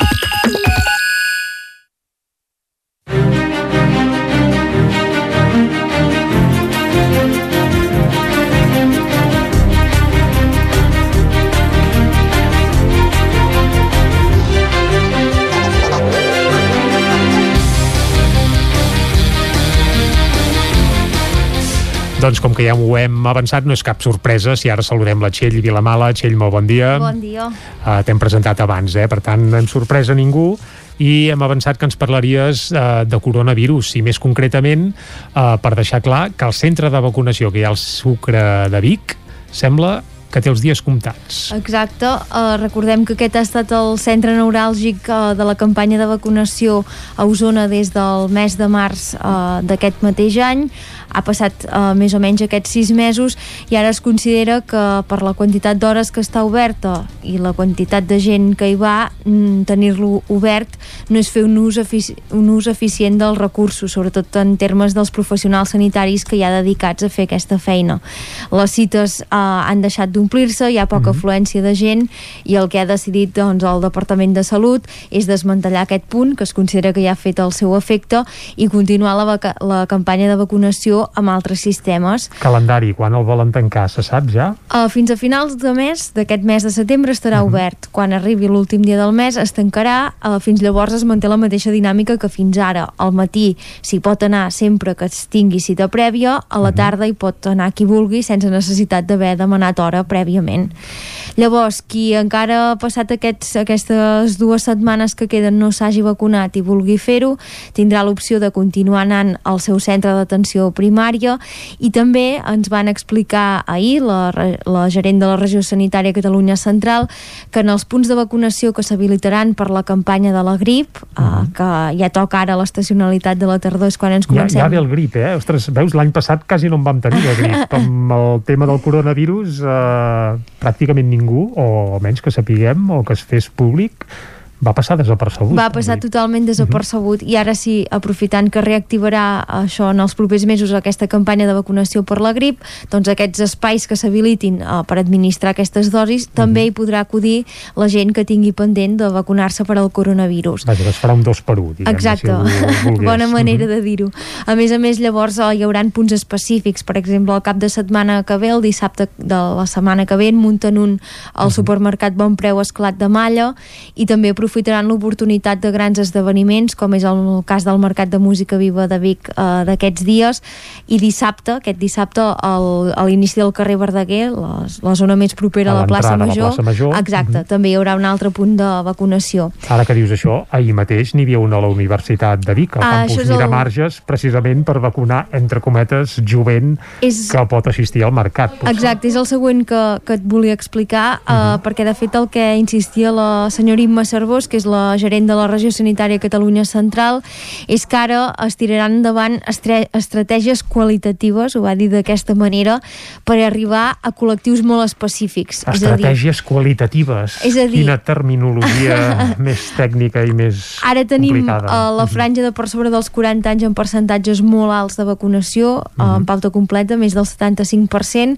uh, i com ja hem sentit les últimes setmanes, hi ha aquesta assignatura pendent, sobretot entre els joves, per exemple, a la universitat, entre els alumnes universitaris de tot Catalunya, no hi ha dades específiques de la UBIC, no s'arriba a la meitat de la població universitària en pauta completa. És a dir, que per intentar uh, subsanar les diferències tan marcades entre col·lectius de diferents franges d'edat, s'incidirà concretament, Mhm. doncs en aquest cas, en la població jove, per exemple. Com s'està fent? Doncs posant-los la vacunació al màxim de fàcil i portant-la a dins mateix dels campus universitaris. Ahir, com bé deies tu, durant 4 hores es van poder vacunar al campus Miramarges de la UBIC, però també s'està fent el mateix a la Universitat de Lleida o, per exemple, a la Universitat de Girona. I sí que és veritat, eh, també ho explicava la senyora Cervós, que justament a la onada, aquesta última onada que hem tingut, la que s'ha notat més, la que es va notar més, eh, sobretot al juliol, va afectar de ple eh, la gent jove, aquesta gent d'entre 20 i Correcte. 30 anys. Mhm. Llavors, com que han de passar dos mesos entre el moment que contraus la malaltia i el moment en què et pots vacunar, semblaria eh, que ara, eh, coincidint amb aquest inici de setembre, que fa aquests 60 dies d'haver passat la Covid, doncs serà el moment en què hi pot haver una afluència més important eh, de gent d'aquestes franges d'edat a vacunar-se. Ahir a la universitat vam tenir ocasió de parlar amb alguns dels alumnes, eh, hi havia Nil Fernández de la Garriga, que és estudiant de quart Publicitat i Relacions Públiques, que precisament ens explicava això, que la setmana que tenia cita per anar-se a posar la vacuna al mes de juliol, que va ser quan van obrir per aquesta edat, eh, es Va va, donar trobar, positiu va de donar Covid. positiu de Covid, Mhm. i llavors no se la va poder posar. Mm, ahir eh, ho tenia tan fàcil que va dir, ostres, eh, és que no hi ha més excusa, no tinc excuses per no ja fer-ho. han passat uns dies des Ell- que vaig contraure la malaltia, doncs ja ell ja estava conscienciat de fer-ho i llavors li preguntàvem ostres, uh, et fa por passar un mal cap de setmana d'efectes secundaris? I ens deia que no, uh, que després d'haver passat la Covid de forma lleu, en el seu cas, no estava gens espantat i també ens va dir que ens va fer gràcia que la gent de la Garriga és molt valenta i menja molt bé i Ep. que això ajuda molt per tant, aprofitant que segur que també tenim oients al, I tant, a la del- Garriga, doncs, del Vallès Oriental, Exacte. ens escolten. Uh -huh. això ens va dir, això ens va dir en Nil. I sí que és veritat, eh, encara estem pendents de com va tancar el dispositiu. Ara al matí ens donaran les dades de quanta gent es va vacunar, però a les 12, quan van obrir, sí que hi havia havia cua, sí que hi havia, uh -huh. sobretot això, eh, estudiants esperant-se.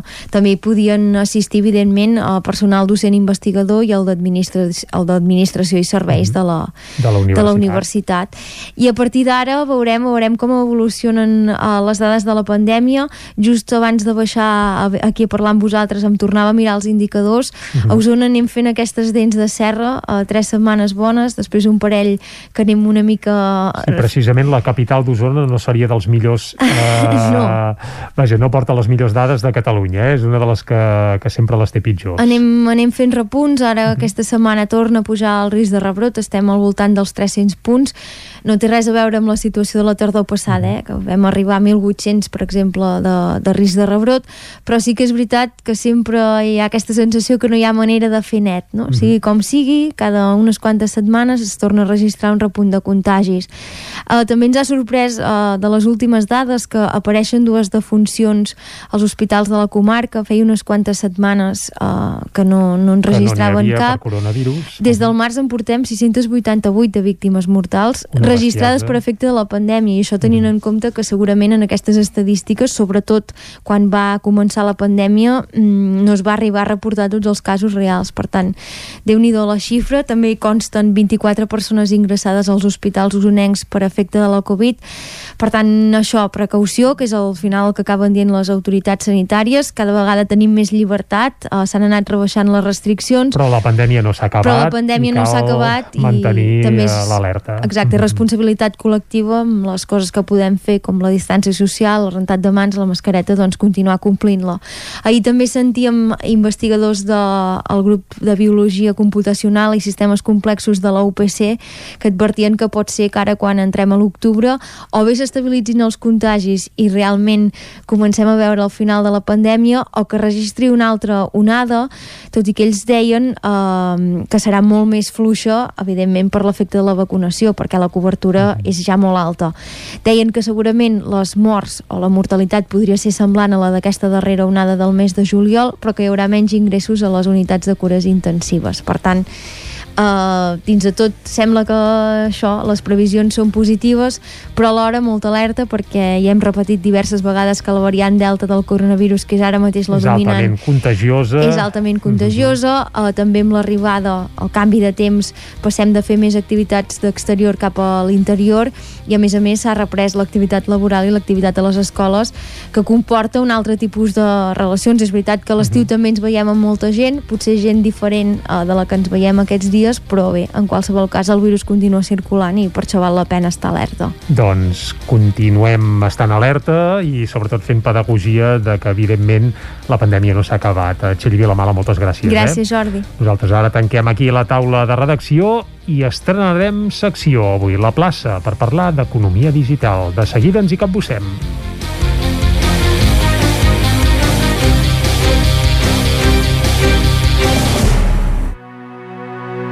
Territori 17. El 9 FM, la veu de Sant Joan, Ona Codinenca, Ràdio Cardedeu, Territori 17.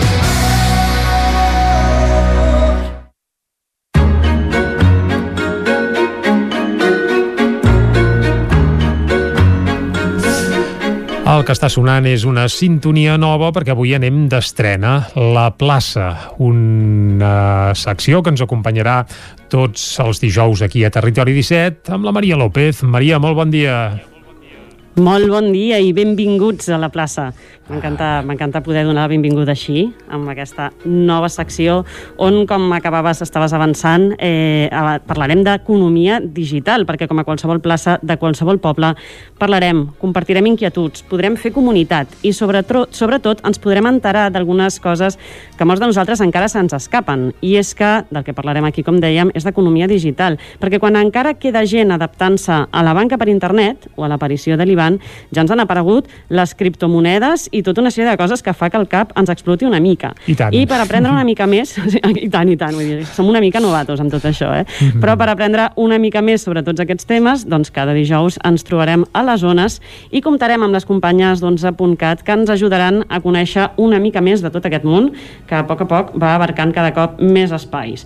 I per a molt per a molts de nosaltres encara molt desconegut. Així que som-hi perquè avui m'acompanyen a l'estudi la Carol Rafales, que és Intelligence Marketing Manager d'11.cat, i la Gemma Vallet, directora de màrqueting d'11. Bon dia a les dues. Bon dia, Maria. Bon dia, Maria. Som-hi, doncs, perquè avui volem parlar de banca digital, però també, més enllà, ens agradaria saber una mica de què va el tema de la banca comunitària, un concepte bastant nou. Així que, si us sembla, comencem contextualitzant una miqueta. Quan en, de, a què ens referim quan parlem de banca digital?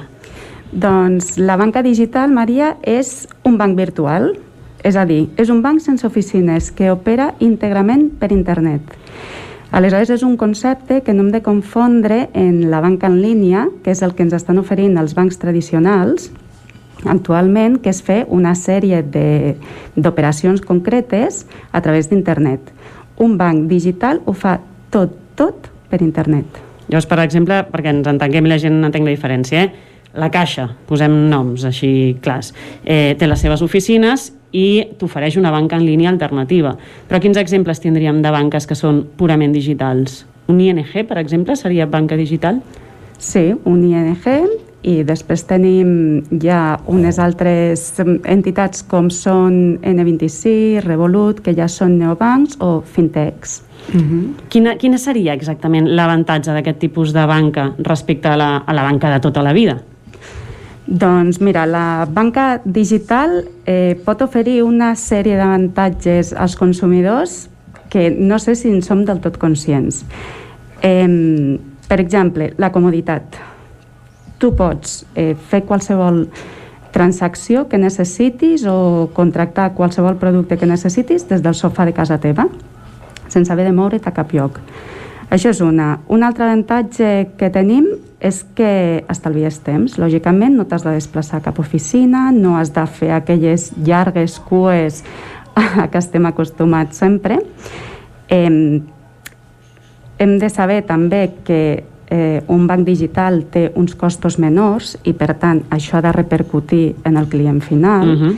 en uns costos també inferior per a ells en quant a serveis i productes, eh, la transparència en la informació, perquè tot això ha d'estar accessible per al client i, per tant, ell pot veure en tot moment què és cada producte, què és cada servei i en quines condicions. D'alguna manera, la, la majoria d'avantatges que estàs comentant suposo que també durant la pandèmia ha sigut una cosa que s'ha posat potser més en evidència, no? aquesta necessitat de, de poder fer totes aquestes transaccions, eh, com deies, des del sofà una mica de casa, però suposo també que deu haver encara molta susceptibilitat no? amb això de no poder anar a l'oficina, perquè no sé si hi ha realment desavantatges, igual que hi ha avantatges, si ens trobem a la, a la contra alguna cosa que no es pugui fer i sobretot el tema de la desconfiança. Realment un pot ser totalment confiat en la, en la banca digital? Mm, aquí tens molt bon punt, Maria. Com comentava la, la, la Carol, hi ha un moment en què, amb el qual que sí o sí s'entra la digitalització. La Covid ha accelerat aquesta digitalització i sempre trobem que les dues cares de la moneda, no? Perquè per una part diem això ens ajudarà doncs, a connectar-nos amb el sistema, amb el sistema econòmic. Pensem que ha estat una època molt dura. Durant la Covid hem tingut un 5% de pèrdua de l'economia en els tres primers mesos de la Covid.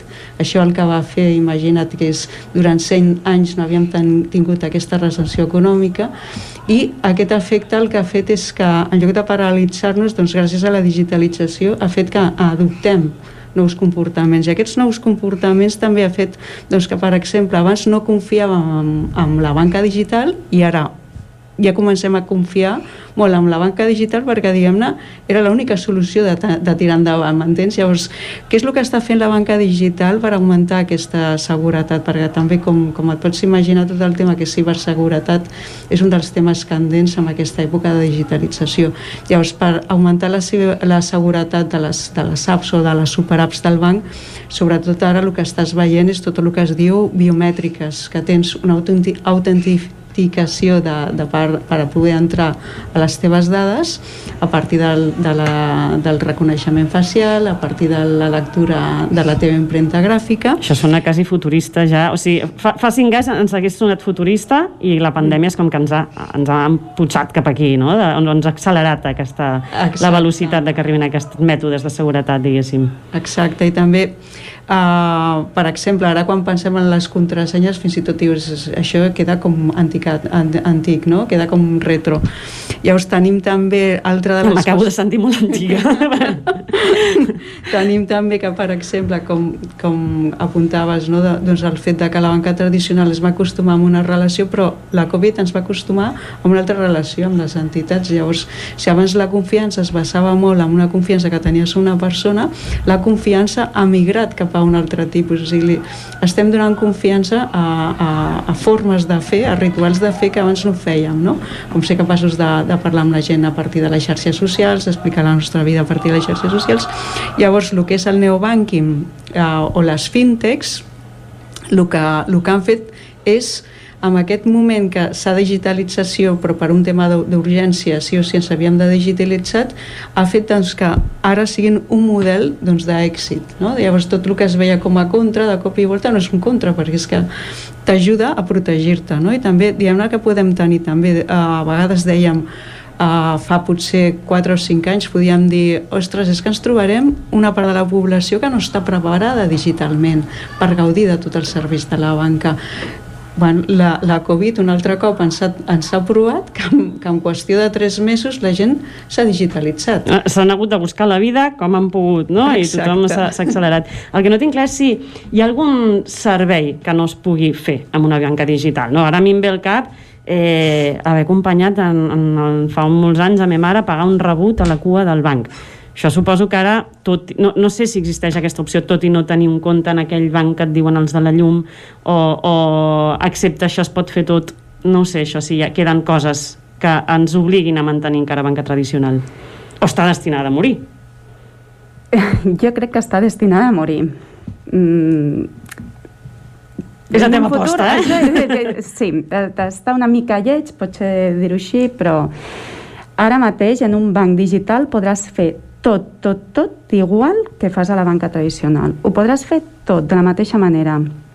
Podràs contractar els mateixos serveis, podràs contractar els mateixos productes i podràs fer les mateixes transaccions. Tot, tot el que fas ara mateix amb la teva banca tradicional ho podràs fer amb la banca digital. Per tant, és qüestió de temps que la banca digital acabi substituint per dir-ho d'alguna manera, la banca tradicional. Sí. sí.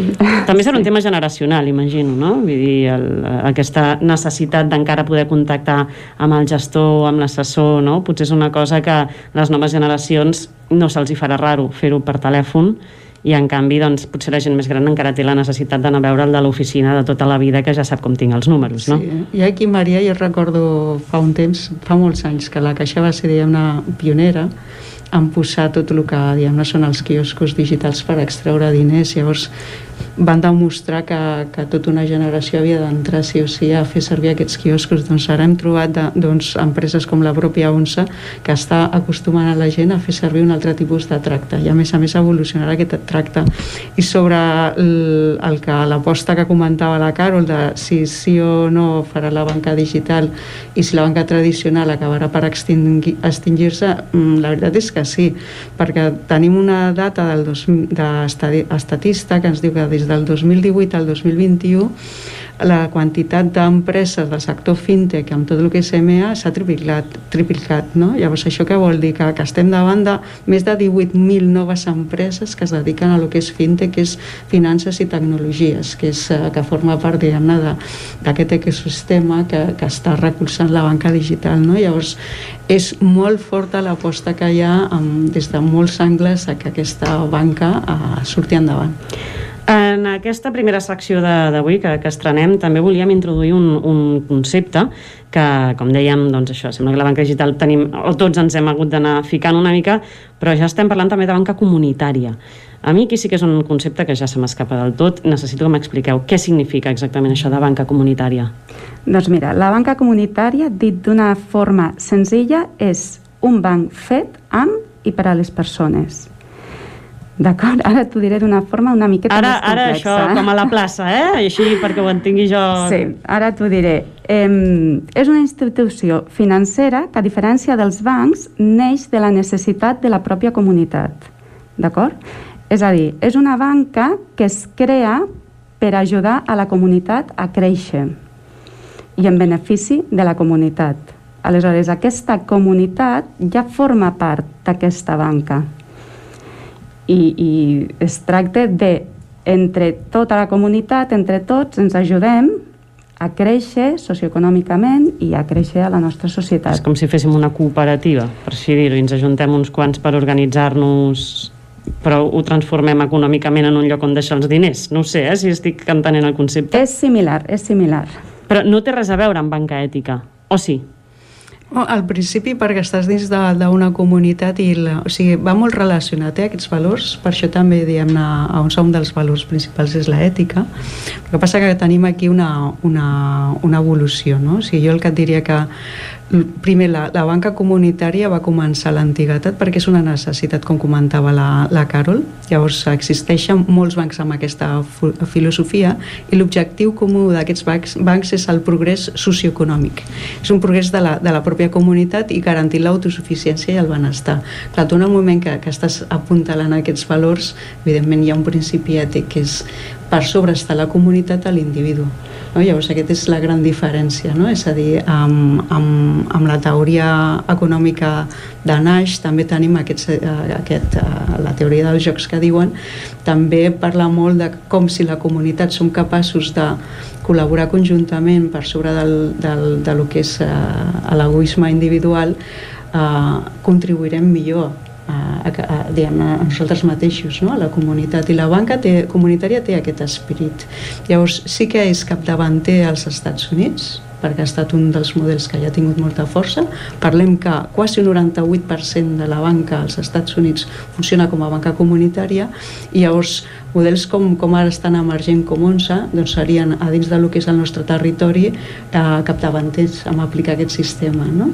però és absolutament, jo sempre penso dir que és que ara és el moment de fer-ho no? perquè venim d'una època que hem après que sense fer comunitat som incapaços de tirar endavant o sigui, eh, estem, o sigui la supervivència ha d'estar per sobre d'altres efectes no? llavors aquest és el principi de la banca comunitària i si un usuari que ens estigui sentint vol investigar o d'alguna manera saber quins beneficis té una banca comunitària respecte al compte de tota la vida?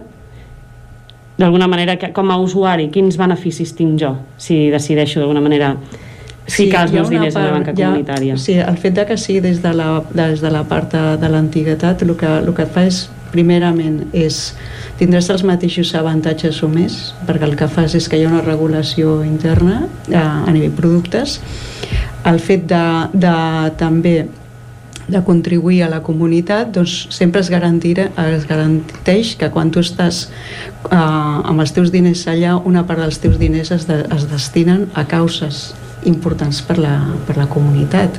Parlem de, en el vostre cas, per exemple, seria doncs, posar en, en marxa un mitjà de comunicació. En el cas d'un hospital, posar en marxa un, uh, saps, una nova secció per la comunitat. Llavors, el que fa és que garanteix una part del seu, del seu capital perquè sigui revertit a dins de la comunitat. I com deies, d'alguna manera la pandèmia també ha sigut com un, un acabat d'empenya, no?, aquesta possibilitat Exacte. de la banca comunitària. Exacte. És és com, diguem estem davant de, de molts factors que fan que, que bueno, propostes com ONSA doncs, uh, siguin capdavanteres perquè han entès veritablement en el moment que ens trobem no? és un moment uh, històric no?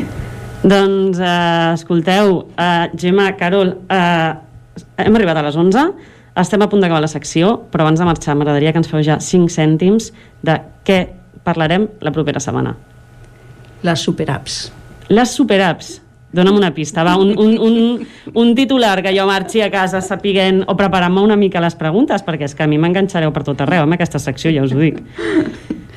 Mm, tu te'n recordes quan va haver el boom de les apps de, del mòbil i uh -huh. que uh-huh. Barcelona doncs, es va posar capdavantera amb el Mobile World Congress, etc. I doncs llavors, des dels darrers anys, el que hi ha hagut és una evolució perquè es buscaven solucions híbrides a la tecnologia i llavors el que hem trobat són apps que agreguen altres apps per donar-te múltiples, múltiples serveis, d'acord? Apps que agreguen altres apps? O sigui, que, us juro que a mi m'explotarà el cap, de veritat, eh? Apps que agreguen altres apps per donar-te un múltiple servei. Múltiple servei. De tot això parlarem... Entre, entre d'altres coses. Sí.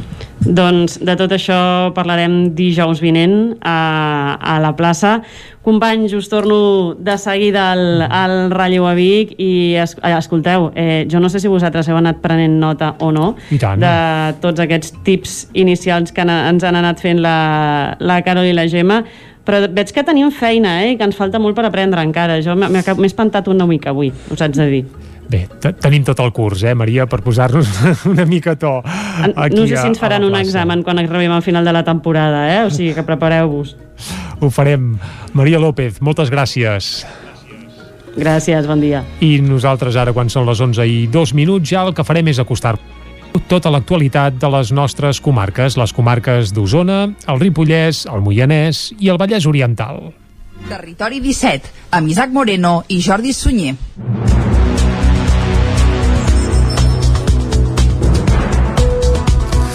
El punt de vacunació que hi ha instal·lat el Sucre de Vic des de principis de març tancarà portes a finals d'aquest setembre. Ho va avançar ahir la gerent de la regió sanitària Catalunya Central, Imma Cervós, des d'una carpa que Salut va instal·lar al campus Miramarges de la Universitat de Vic. Coincidint amb l'inici del mercat de música viva, l'objectiu era incrementar la cobertura vacunal entre la població més jove. Alumnes i personal docent i d'administració de la Universitat de Vic, Universitat Central de Catalunya, feien cua ahir al matí al punt de vacunació que Salut va instal·lar al campus Miramarges des de primera hora i fins a les 4 de la tarda. Quatre infermeres hi van administrar la vacuna de Pfizer. Coincidint amb l'inici del mercat de música viva, l'objectiu d'aquest punt era incrementar la cobertura vacunal entre la població més jove, ho explica Laura Almendro, adjunta a la direcció del Servei d'Atenció Primària Osona. Bé, ens desplacem perquè la nostra idea és eh, acostar la vacunació tant com puguem a la població. I per això pensem que a part de totes les facilitats que oferem, eh, oferim al sucre, al punt de vacunes del sucre o bé als equips, pensem que quan més ens apropem millor.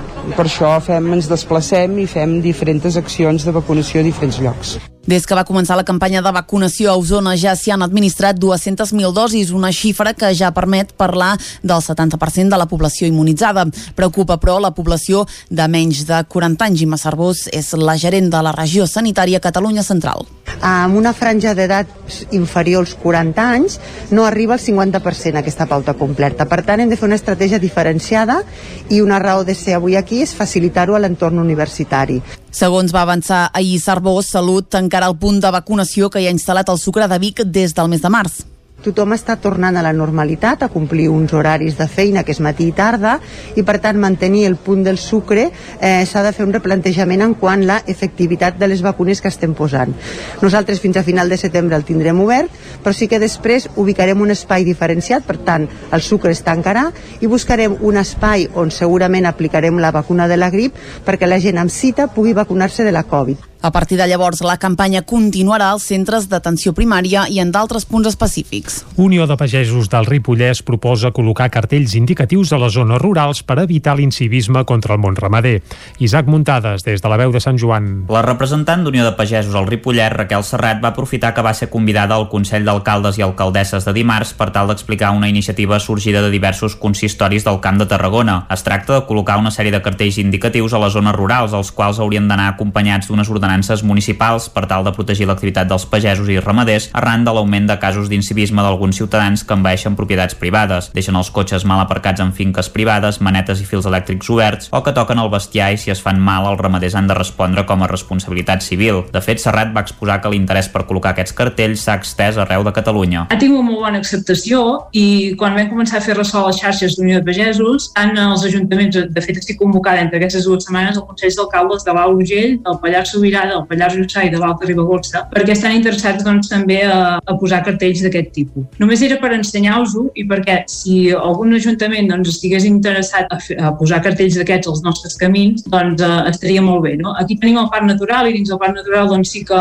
que està ben regulat i està indicat i, i quan van a demanar informació a les oficines de turisme doncs reben també consells quan es troben amb, amb la ramaderia, no? però els camins més públics del costat del poble o al costat de les nostres explotacions doncs ens trobem a vegades amb molts problemes d'aquest. Es tracten d'uns cartells rectangulars de color verd que avisen els ciutadans que es troben en una zona agrícola i de conreu i que han de respectar els camins, els conreus, el pas del bestiar i de la maquinària agrícola. El cartell es limita a la velocitat a 20 km per hora dels vehicles, es prohibeix l'entrada a les finques, l'estacionament al voral del camí i el llançament de qualsevol mena de deixalla i residu, i s'adverteix que hi ha un camí agrícola i que els gossos han d'anar lligats. Serrat va comentar que es poden adaptar a les necessitats de cadascun dels municipis. El president del Consell d'Alcaldes i Alcaldesses, Ramon Roquer, va apostar per unificar la cartelleria i que es pugui vehicular des del Consell Comarcal fent alguna mena de compra agregada pels ajuntaments interessats. La representant d'Unió de Pagesos també va posar-se a disposició dels consistoris per ajudar-los a redactar les ordenances a través dels serveis jurídics de l'associació. Les escoles municipals de Caldes de Montbui compten amb més alumnes matriculats que el curs anterior. Caral Campàs, des d'Ona Codinenca. Els centres calderins han començat el curs amb més alumnes matriculats. Entre els més de 4.100 alumnes matriculats, n'hi ha una cinquantena que s'han incorporat a través de la matrícula viva, que són les sol·licituds de matrícula fora de termini. Sentim Josep Busquets, regidor d'Educació. Eh, De cara a aquest curs 21-22 podem estar molt contents. Tenim 4.100 alumnes matriculats a Caldes. Aquesta setmana hi ha hagut un, una cinquantena de matriculacions dins de la matrícula viva, d'acord? Respecte a l'any passat, l'any passat va haver-hi 38 i aquest any una cinquantena, ha pujat la matrícula viva, sigui, estem parlant de 4.100 i escaig alumnes matriculats a Caldes. És un centenar més que, que, que el curs passat, a nivell de matriculacions. Aquestes 50 sol·licituds procedeixen de nou nacionalitats diferents. La dada mostra un increment força significatiu respecte del curs passat en plena pandèmia quan es van rebre 31 sol·licituds d'aquest tipus. Les dades es van fer públiques aquest dimarts en una roda de premsa posterior a la visita institucional que l'alcalde de Caldes Isidre Pineda i el regidor van fer a totes les escoles públiques del municipi. Sentim Pineda. Fa un any eh, hi havia molts nervis, molta incertesa davant del curs eh, més complex de, de la història recent de Caldes de Montbui. Enguany, el que podem dir i el que estem notant és que hi ha moltíssima il·lusió per començar un nou curs que s'afronta amb esperança de que la situació eh, només pugui anar millor. A nivell global, el curs 2021-2022 ha arrencat a Caldes sense cap incidència destacada i amb tots els centres educatius oberts i el 100% de presencialitat. Ahir dimecres es va posar en marxa una nova edició del Mercat de Música Viva de Vic. Ho va fer amb les primeres presentacions i xerrades pels programadors i també amb el concert inaugural a càrrec de Jansky. L'edició d'enguany és més presencial, amb una seixantena d'actuacions i compta amb 500 programadors acreditats. La música no deixarà de sonar a Vic fins dissabte. El Mercat de Música Viva de Vic ha arrencat ja de manera oficial la seva 33a edició. Els primers en poder gaudir de les propostes que es presenten aquesta setmana a Vic van ser els programadors i professionals que ahir al matí ja van poder conèixer un avançament del projecte Principis de Coloma Bertran Quartet, liderat per la violinista bigatana. L'activitat professional del Mercat de Música Viva es concentra però no només al teatre i l'auditori, sinó també a la carpa exterior on tenen lloc els anomenats pitchings o presentacions ràpides de projectes i propostes en directe o per streaming. Amb les actuacions, les reunions sectorials i els speed meetings, Vic recupera mica en mica l'esperit prepandèmic de música viva. Sentim per aquest ordre a Miquel Solà del COC i a Pau Planes de la Tornada i aquest any doncs, que ja hi ha una mica més de normalitat, molt content de, de, de poder estar aquí i tornar a gaudir de moltíssimes propostes, hi ha moltes més ja doncs, eh, presencials. No? Encara, encara normalitat, malauradament, esperem a veure si l'any que ve, si la primavera o l'estiu de l'any que ve pugui ja ser-ho. Sempre fem una cosa, que és no comencem a programar res fins després del mercat, de tot el que és temporada de, de primavera, estiu. Primer venim aquí, escoltem, eh, parlem, i a partir de la setmana que ve, l'altra, doncs llavors comencem a treballar programacions, una mica recollint tot el que, tot el que hem anat recollint aquí, no? El mercat és una oportunitat perquè professionals de tot el món puguin descobrir i presentar propostes, també des de Llatinoamèrica i en concret Argentina. És el cas de Maria Carrascal d'Agitando Cultura.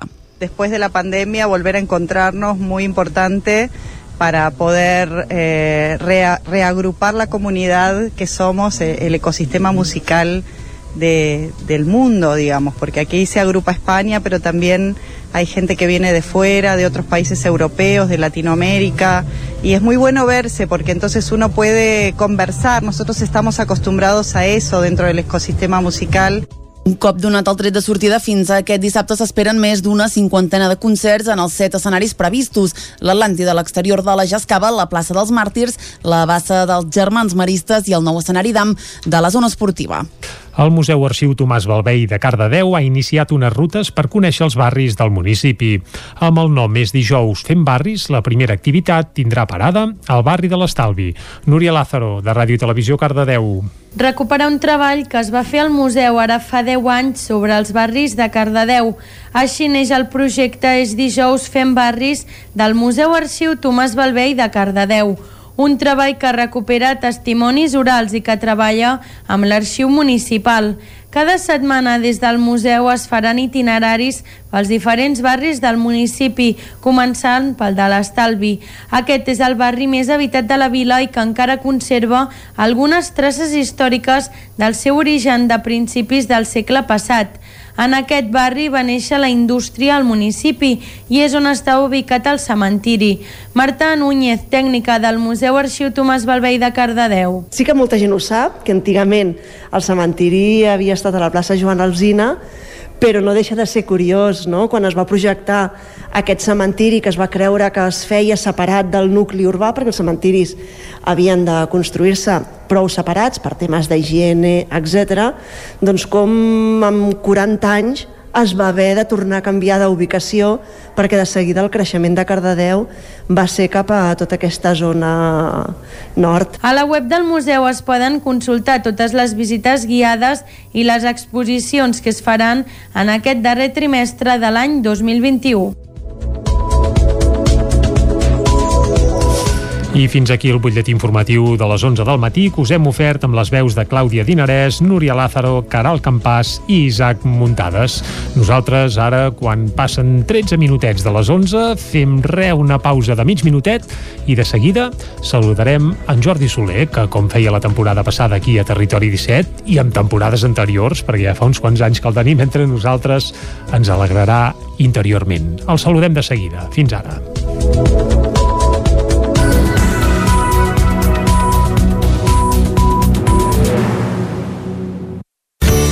Territori 17. Envia'ns les teves notes de veu per WhatsApp al 646 079 023. 646 079 023. WhatsApp Territori 17.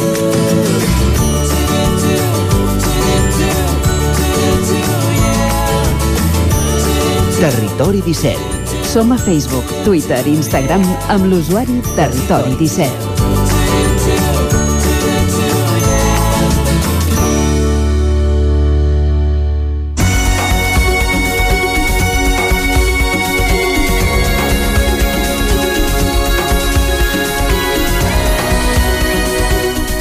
Un minut i serà un quart de 12 del matí. Seguim en directe aquí a Territori 17 i és el moment de parlar de PNL i d'alegrar-nos interiorment i això ho fem sempre de la mà d'en Jordi Soler, que ens visita cada 15 dies aquí a Territori 17. Jordi, molt bon dia. Molt bon dia. Aquesta temporada et tindrem de nou cada 15 dies al peu del canó per això, per alegrar-nos interiorment, oi? Sí, la setena, eh? la setena temporada. Setena temporada, bé, Sí. comptes des de l'època prehistòrica, eh, en Sí, què el Territori sí, sí, sí. 17 es deia l'hora de la veritat, Sí, senyor. en què portava el comandament d'aquest espai el periodista Jordi Molet, Uh, però bé, sí, en el fons en som continuadors de- d'aquell magazín i set anys ja fa d'això, Jordi, com passa el temps, eh? Fa set anys i hem intentat, eh, seguint el fil conductor d'això que deies tu, eh, la programació neurolingüística, el coaching, incorporar elements nous o donar-li un enfoc lleugerament diferent cada temporada i mira, aquesta temporada havia pensat que seria bo centrar-se una mica en, en aquesta part més desconeguda nostra que és l'inconscient eh? és un tema que hem tocat de tant en tant però que ara serveix una mica com, bueno, de, de referència l'any passat, Mhm. si recordes, vam dir, va, farem un un petit eh, tast de diferents eh, punts de vista, de diferents cultures, eh, l'Ubuntu de Sud-àfrica, eh, el tiramar japonès, l'art del tiramar japonès, al Japó. Tocàvem diferents maneres de, de fer un treball. Aquesta temporada m'agradaria fer-ho centrant-nos una mica en aquesta part nostra, de l'inconscient. Una part segurament molt desconeguda perquè molts no hi parem ni, ni esment, segurament, eh? Vejam, els treballs de, de coaching Mhm. comencen amb la presa de decisió, amb la presa de consciència de cadascú de dir no estic allà on vull estar i vull treballar-ho això, vull fer aquest recorregut vull fer aquest eh, viatge de la situació en la que estic cap a la situació on m'agradaria estar això no tots en som conscients no tots som conscients de que a vegades cal modificar coses, de que cal fer canvis de que cal fer eh, passar l'acció, no? Uh -huh. dur a terme doncs, eh, aquest eh, trajecte no? fer a vegades acompanyat d'un coach una petita transformació o gran transformació que ens ajudi a arribar allà on realment volem estar. I residim en un estat de, bueno, d'un cert malestar o conformisme, perquè no en som conscients. O sigui, la falta de consciència del nostre uh -huh. estat ens impedeix fer aquest recorregut. Llavors, el primer pas és dir, prenc consciència de que no estic allà on vull estar és un pas important que segurament molta gent que ara ens escolta potser ni s'ha plantejat fer-lo mai. Si hi ha una cosa recurrent, un malestar recurrent, una cosa que, bueno, que grinyola, no? que fa sorollet, eh, és bo posar-hi atenció. És bo, doncs, escoltar-nos... Diagnostiquem-nos... I, I decidir veure si això ens està bé o això és una cosa que mm, no, no cal que ens acompanyi. Uh -huh. Sempre, no? Vull dir que cal desprendre-se'n, cal descarregar-ho.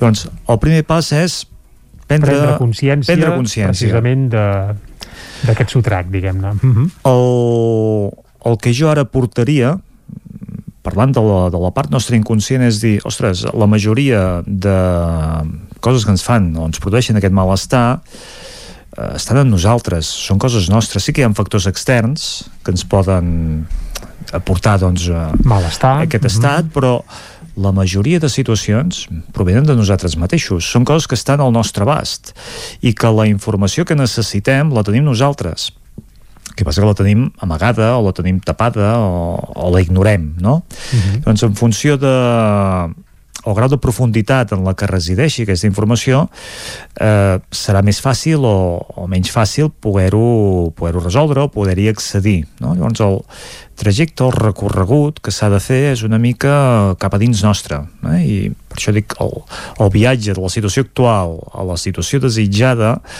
eh, aquest any, si més no, aquesta temporada intentarem enfocar-ho cap aquí, cap a dintre no? Uh -huh. Vull dir, com, com podem fer-ho això? amb l'ajuda de, bueno, l'ajuda d'una persona que ens acompanyi o simplement nosaltres eh, afluixant una mica, baixant el ritme, eh? obrint-nos, sent molt flexibles, uh -huh. tenir una mirada molt ampla que ens ajudi doncs, a escoltar el que tenim al voltant, escoltar sobretot el que tenim a dintre no? I, i fer aquest exercici una mica de fer un reset en molts casos, no? Mm -hmm. tornar a començar, tornar-ho a replantejar, posar aquesta mirada nen que hem parlat moltes vegades i aquí doncs amb, amb exercicis o, o, o, o no fent eh? Vull dir, a vegades la forma de començar és parar és deixar de fer vull dir, aquest soroll mental que ens impedeix prendre aquest aquesta decisió, no? Vull dir, agafar aquesta consciència és un excés de, de soroll mental, vull dir que el, la primera cosa que ens pot ajudar és afluixar, baixar el volum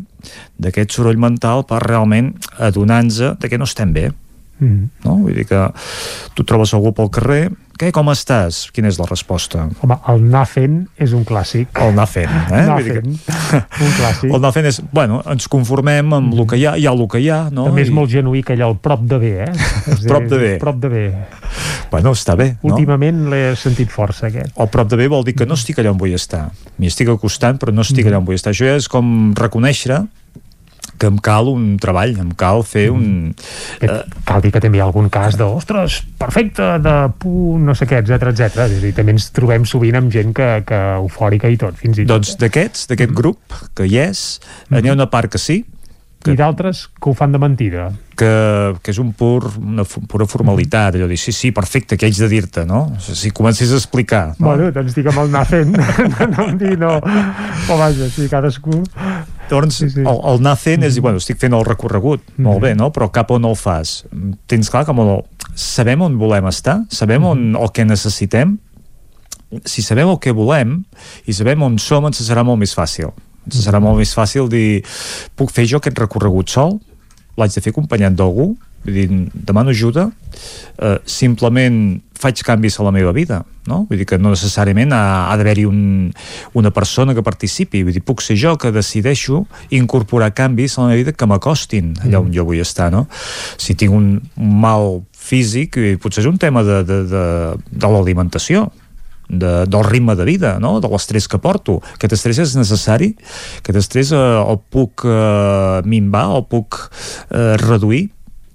Doncs, eh, canvis d'hàbits és eh, un reflexe de que hi ha una presa de consciència, de que mm. no estic bé allà on vull estar, vull fer aquest recorregut, o puc fer acompanyat d'algú, potser serà més ràpid, potser serà mm. més efectiu, o decideixo jo en la meva vida ja començar a incorporar aspectes que m'ajudin, no? Vull dir que aquest canvi d'hàbits, aquest saber allà on estem i saber on volem estar, dius, bueno, mmm, comencem per aquí. Comencem... Doncs ara que comença el curs, que aquesta setmana és d'inici de curs, d'inici de temporada de Territori 17, inici de curs escolar, és un molt bon moment segurament per tot això que planteja Jordi, posar-ho damunt de la taula i allò típic, eh, que es diu amb el canvi d'any, amb l'inici de curs, doncs potser Eh, seria fi de bé que tots plegats hi poséssim més, més esment en aquests aspectes que ens comentes. Sí, fixa't que moltes vegades per fi d'any, l'any nou, ens marquem els propòsits de, del nou any.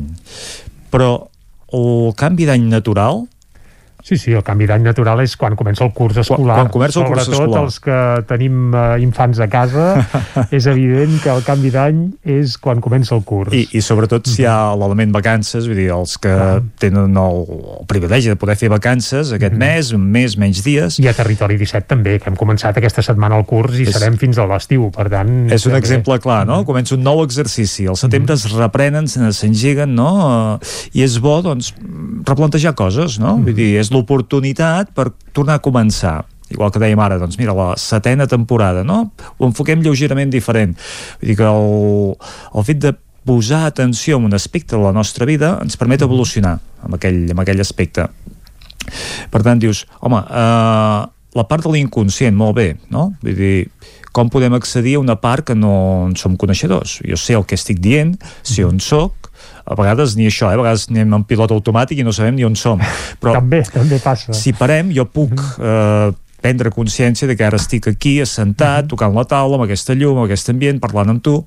I això és la meva part conscient, la part que jo puc conèixer, puc activar i a l'inconscient, eh, ja anem ras i curt al, al, al tema, eh? Com hi anem? Com ens hi acostem? Com ens hi atensem? A, a, la, a la part inconscient és tot allò que fem de forma automàtica, que desconeixem uh mhm. -huh. i que no, no és tan fàcil com obrir una porta i veure què hi ha dintre no és tan fàcil com això, però sí que és obrir portes, eh? sí mhm. que és fer un recorregut, sí que hi ha mecanismes Va, digue'ns en algun, Jordi.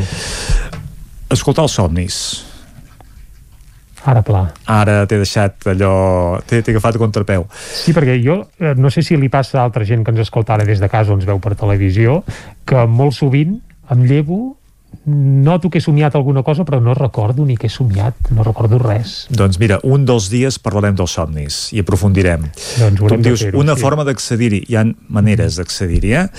de fet, eh, si escoltem el nostre llenguatge, moltes vegades estem revelant aspectes nostres, no? Vull dir, una forma de coaching és eh, el, el metamodel del llenguatge, de la forma com ens comuniquem, que a través de la pregunta adequada podem treure de la persona que fa el treball una resposta reveladora, no? Vull dir, hi ha aspectes i coses que surten amb la forma de parlar, amb certes paraules que no ens n'adonem i que revelen coses de dir, tu dius que estàs molt bé, però d'alguna manera aquí a sota hi ha... Es un... nota que hi ha alguna cosa que hi ha alguna cosa fina. Que, que cal mm-hmm. treballar, no? Fixa't amb el que has acabat de dir, fixa't com ho has enfocat, no? O estàs utilitzant repetides vegades aquesta paraula, aquest llenguatge. Dic, el llenguatge revela parts del nostre inconscient, llavors quan parlem, si ens escoltem, ens podem adonar de coses que dius, bueno, la part racional està dient una cosa, però la part aquesta més oculta està donant la seva veu, està revelant aspectes que cal, mm, cal obrir, cal extreure... I segurament lligades a l'estat d'ànim, molt sovint, eh? Estem inquiets, estem nerviosos i sense voler, a través de la paraula i a través de, de la conversa, doncs això ho denotem amb un interlocutor que tinguem al davant, per. Evidentment, i és com l'expressió mm -hmm. corporal, vull dir que eh, la forma com ens expressem, ho hem dit moltes vegades, no? majoritàriament és la nostra expressió corporal, el 55% de la, del llenguatge, de la comunicació, rau en això, en l'expressió corporal. És el que es veu més en el que se sent, sí? En el que expressem. Uh -huh. El to de veu em sembla que és un 30, no sé, un 38, o un percentatge així més baix, uh -huh. i la paraula en si és un 7%. Carai, que, que poc. Sí, Vull dir que el que jo ara t'estic dient, tu estàs percebent amb els teus canals conscients i inconscients per la oïda, amb les paraules que, que dic, però a més a més amb el to. I amb el to, amb el que jo estic parlant, tu ja pots saber si estic en un estat d'ànim o en un altre, no? Si estic centrat o despistat, vull dir que mm -hmm. dius, aquesta persona navega o, o és molt coneixedora del que diu. Després, la forma com m'expreso acaba de, acaba de rematar-ho i és la part més important mm -hmm. I a través de la meva forma d'expressar tu estàs rebent moltíssima informació i a través d'aquests canals inconscients, eh? i d'això en parlarem també. Doncs ara, a través del meu ritme de veu, que s'accelerarà un pèl, interpretarem que arribem al final de la secció, Jordi, d'aquí 15 dies t'esperem per aprofundir en aquest treball del nostre inconscient, un aspecte que girarà a l'entorn de la temporada en què t'esperem fins al mes de juny aquí, eh? Jordi, moltes gràcies. A vosaltres, aquí estarem. I vinga, nosaltres ara fem una petita pausa, tornem a dos quarts en punt parlant de trens, com sempre aquí a Territori 17. El nou FM, la ràdio de casa, al 92.8. Cobertes serveis funeraris. Els nostres tanatoris estan ubicats en els nuclis urbans més poblats de la comarca d'Osona per oferir un millor servei. Tanatori de Vic, Tanatori de Manlleu, Tanatori de Centelles i Tanatori de Roda de Ter.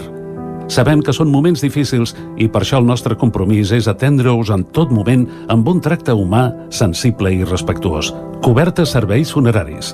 Telèfon 24 hores 93 883 23 46. OBS, la marca de moda líder a Itàlia, arriba a Vic amb la col·lecció per nens fins a 15 anys. Vesteix els petits amb roba OBS. Peces fabricades amb cotó orgànic pensades especialment per la pell dels infants. El cotó orgànic d'OBS està cultivat sense pesticides i amb un impacte reduït en el medi ambient. OBS, des d'Itàlia per tu. Al carrer Argenters 20 de Vic. Anuncia't al 9FM. La màquina de casa. 9 3 8 8 9 4 9 4 9. Publicitat arroba al 9FM.cat. Anuncia't al 9FM. La publicitat més eficaç.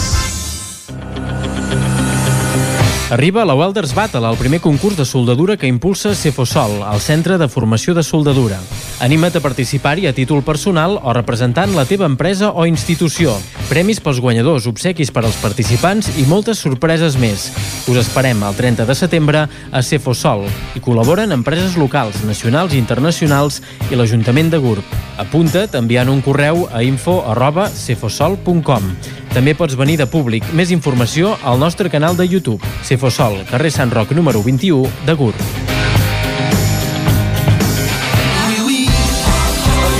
Els idiomes són la teva assignatura pendent? Matricula't anglès o francès a l'EOI Osona, l'Escola Pública d'Idiomes a Vic. Per més informació, consulta la web eoiosona.cat i trobaràs l'oferta de cursos i horaris, així com les bonificacions i exempcions de matrícula. També ens pots trucar al 93 889 3830 a partir de l'1 de setembre. Arriba la Welders Battle, el primer concurs de soldadura que impulsa Cefosol, el Centre de Formació de Soldadura. Anima't a participar-hi a títol personal o representant la teva empresa o institució. Premis pels guanyadors, obsequis per als participants i moltes sorpreses més. Us esperem el 30 de setembre a Cefosol i col·laboren empreses locals, nacionals i internacionals i l'Ajuntament de Gurb. Apunta't enviant un correu a info arroba. També pots venir de públic. Més informació al nostre canal de YouTube. Cefosol, carrer Sant Roc número 21 de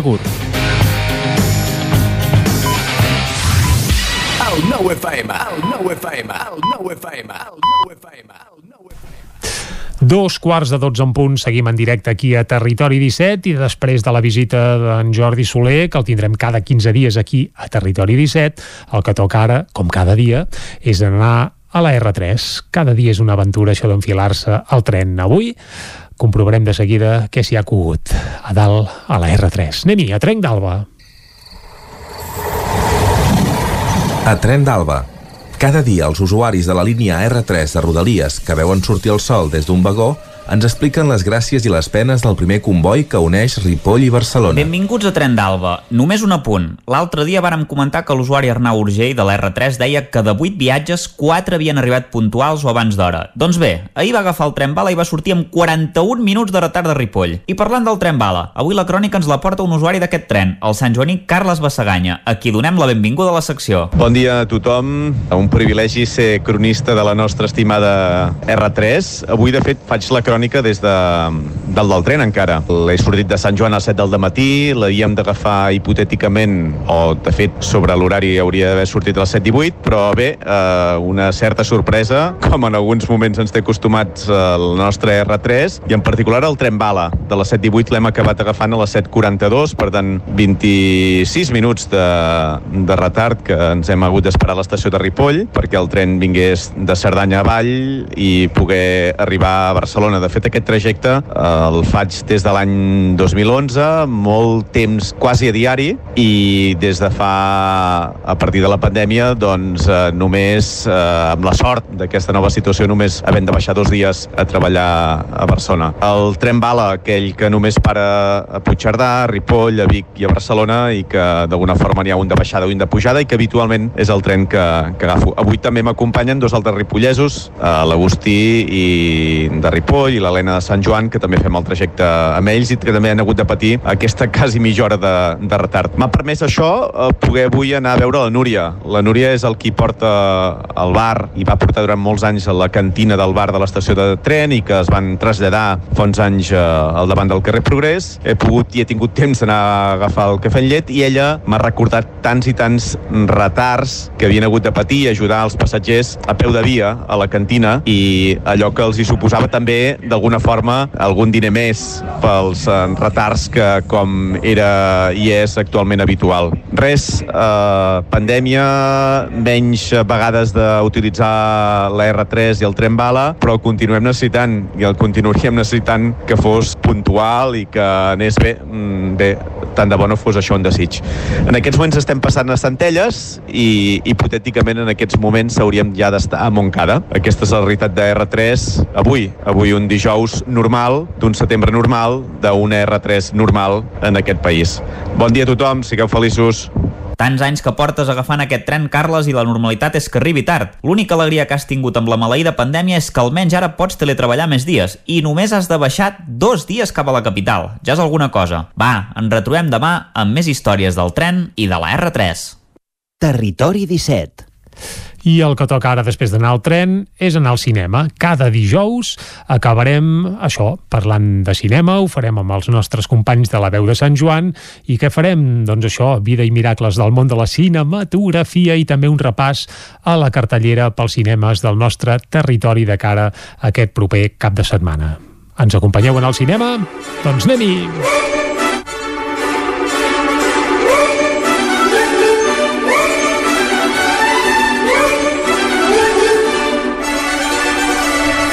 I aquesta temporada la secció de cinema i d'estrenes de la setmana de Territori 17 la gestionarem, la farem des de la veu de Sant Joan i ho farem amb el nostre col·laborador cinematogràfic en Gerard Fosses que ja tenim amb nosaltres. Hola Gerard. Hola, què tal? Ara et presentarem, però anem per ordre. Primer hem sentit una sintonia que vas escollir tu. Per què? Quina, quina música és i per què la vas escollir? Bé, és, és música de, de Ciudadano Kane, i la vaig escollir bàsicament per dos motius. Una, perquè m'agrada molt, és així animada, no? I, i l'altra perquè bàsicament Ciudadano Kane hi ha com els ciments del cinema modern tal com el coneixem i crec que és una bona manera d'introduir una secció de, de cinema, per tant és també una manera de, de reivindicar aquesta pel·lícula històricament titllada com a avorrida també uh -huh. però vaja, on sempre s'hi poden descobrir coses interessants en cada dia del molt bé. En Gerard Fosses és crític de cinema, coautor de, de diversos llibres d'assaig cinematogràfic. Uh, de fet, mm, no és la primera vegada que surts per Territori 17, però vas fer-ho com a, com a coautor d'un llibre que es va editar pel Festival de Terror Molins. Sí, efectivament, el de La naturaleza se revela, mm. dedicat al, al terror ecològic, que és un, un tema bastant interessant. Sí, just en l'any de pandèmia doncs, eh, vau escollir bé el tema tot i que Sí. ja vau parlar de que el tema havíeu escollit abans de que arribés tot eh? Sí, efectivament. uh, i també és, ets project manager això, aquestes coses que, que, em- Llenguatge modern, llenguatge modern. exacte, de filmpedia.org explica'ns una mica què és filmpedia.org És, és un projecte educatiu que estem desenvolupant, que és amb una plataforma digital, um, que l'objectiu és, um, ja sigui a nivell familiar o a nivell escolar, doncs ajudar a aprendre a fer pedagogia a través del cinema. uh -huh. i que, que es pugui servir doncs, a nivell de- d'educació curricular, però sobretot a nivell d'educació en valors, educació social, etc. Estem en desenvolupament i ja, ja tiraré la falca quan, quan sortim oficialment, que serà aviat, espero. Molt bé. Uh, com que és la primera, la primera secció que fas a través del Territori 17, sí que et volíem demanar, no sé, quin tipus de cinema t'agrada o, o com ets uh, pel que fa al, al cinema. No sé si és una pregunta complicada o és, és com demanar una mica si t'agrada menjar o quin menjar t'agrada, no? Exacte. Quin és el teu menjar preferit, no? Uh, no, a veure, a mi el cinema m'agrada de tot, realment. Uh, m'agrada molt el cinema fantàstic, que connecto molt bé amb ell, i amb el cinema fantàstic parlo tant de ciència-ficció, uh, terror, uh, o sigui, cinema de gènere, bàsicament.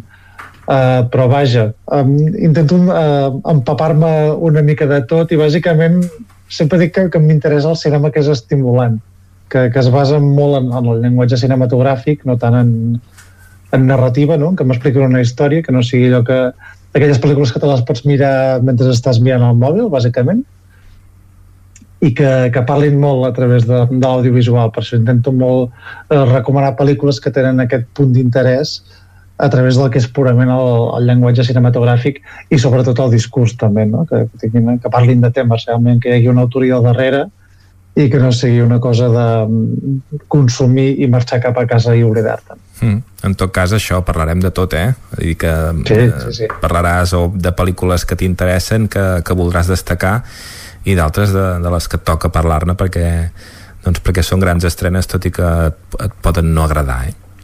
Sí, sí, això, al final l'opinió és de cadascú i de les pel·lícules s'hi pot parlar, on, on s'hi podem aproximar de moltes maneres, i això és el que intentarem fer.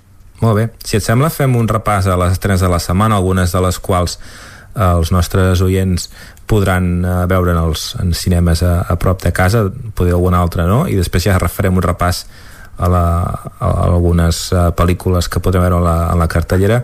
Quina és la primera de, que vols destacar?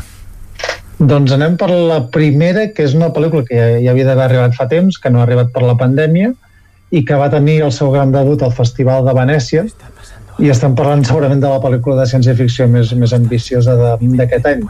Eh, es tracta també d'una obra maleïda, sempre mal adaptada, per dir-ho d'alguna manera, i si et sembla ja la posarem en context. Es titula Dio. ¿Sueles soñar cosas que ocurren tal y como las has soñado? Sí.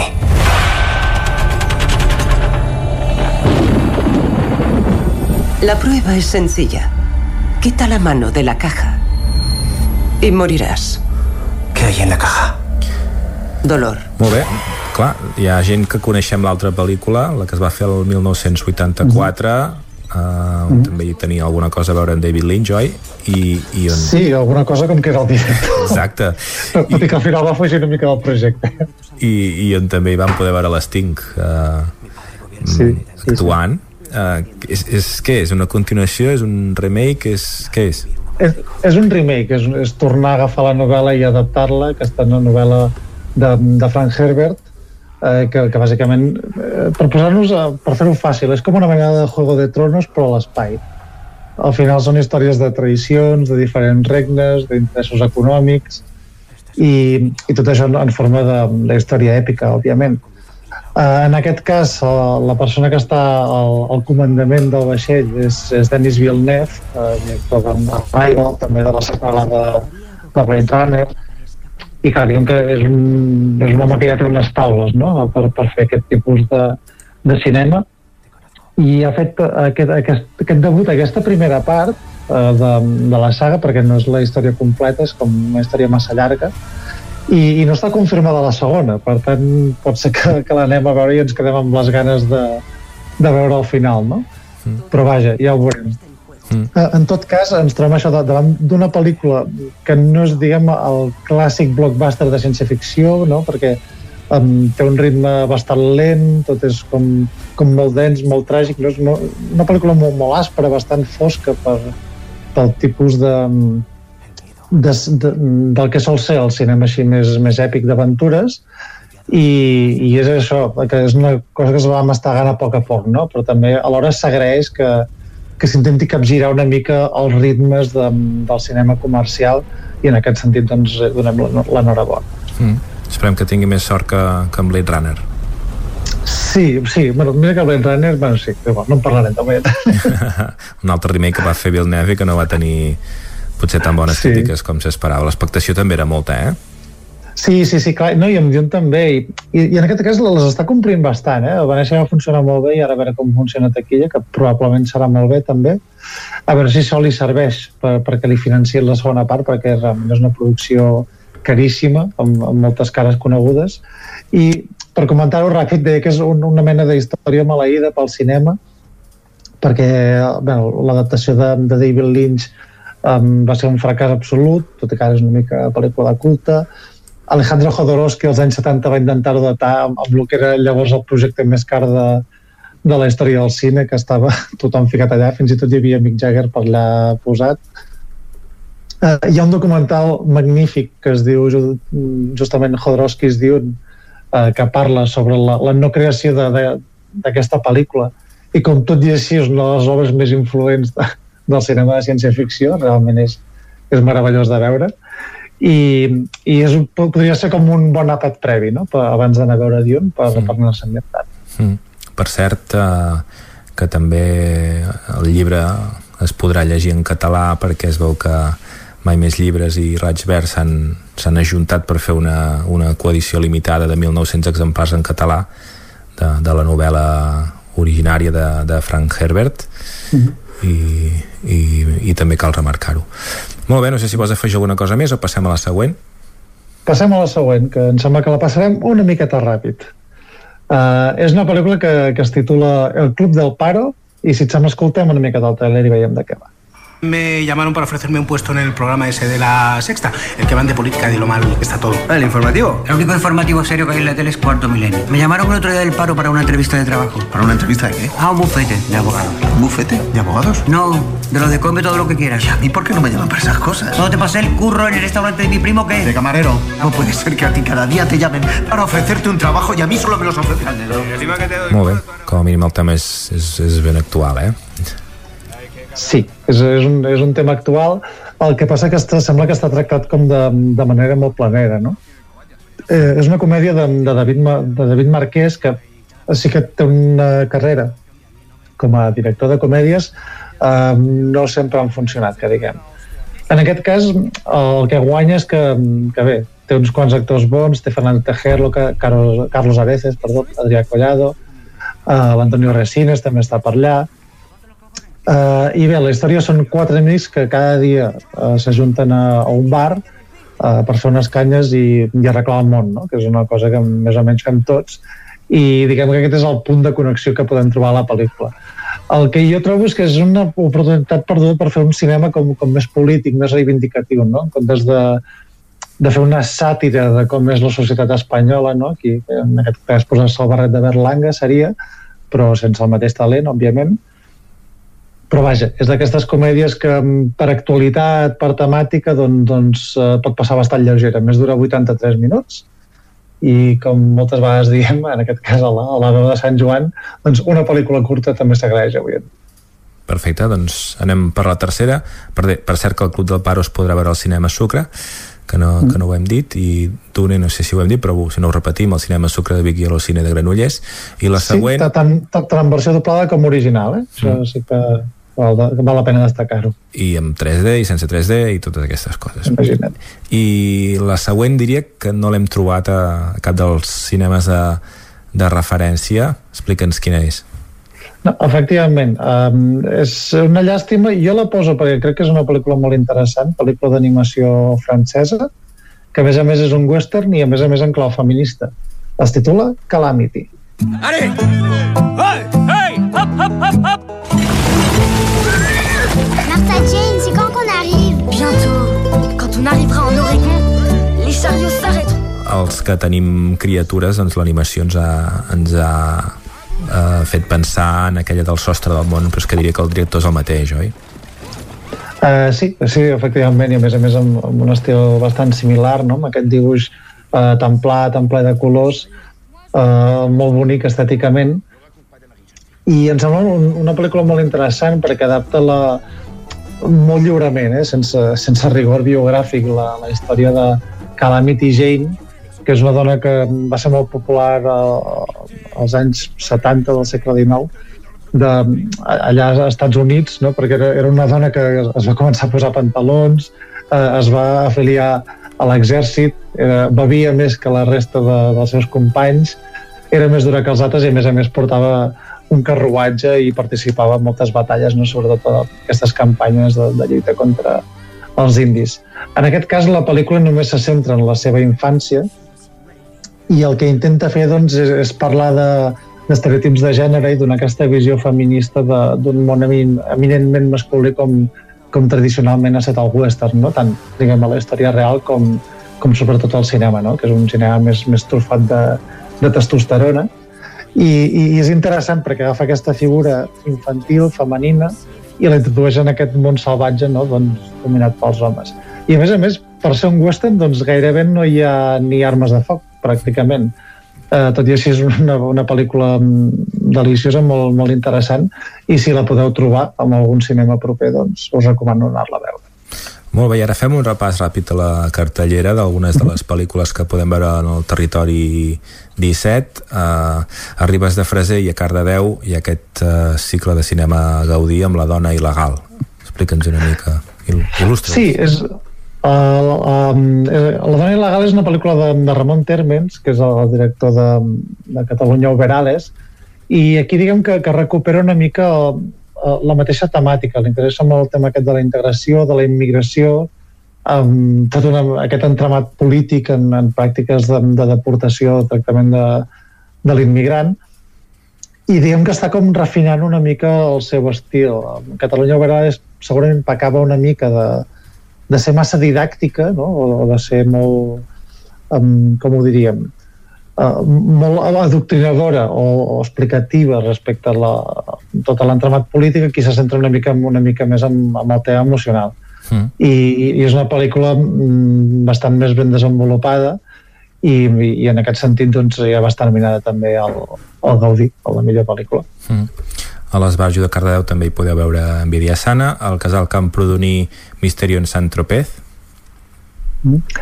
Aquí estem parlant d'aquestes eh, pel·lícules franceses que, que produeixen a, a, a granel, diguem, i, i bé, és d'aquestes comedietes que, que a mi no m'interessen massa perquè si bé són, són lleugeres de veure i tenen el seu públic, eh, tiren molt de clichés, eh, no estan molt ben treballades, Um, sí que és veritat que aquí hi ha un, un actor molt bo, protagonista, que és Christian Clavier, però uh, diguem que no és en el seu paper més lluït. Mm. I ens queda encara un minutet per anar fins al cinema Comtal de Ripoll, on hi ha la patrulla canina, la pel·lícula, mm. Perfecte, no, no, no, cal, no, cal, la... no, cal, no cal que et digui la canalla, ja. Deixa la canalla. I Qüestió de sangre, amb Matt Damon.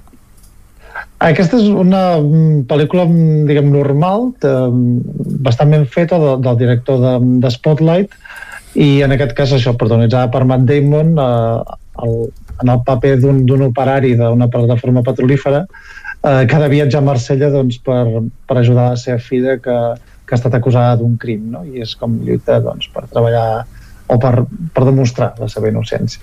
Mm. Molt bé, doncs Gerard, moltes gràcies. Uh, també estarem atents a, a festivals, en Gerard serà a Sitges uh, ben aviat, però abans ens tocarà parlar també de, del Festival Terra Gullut, que comença la mm -hmm. setmana que ve, però això sí. ja, ja, ja ho parlarem el pròxim dijous. Gerard, moltíssimes gràcies. Vinga, moltes gràcies a vosaltres. Fins la següent. Fins la propera, adeu.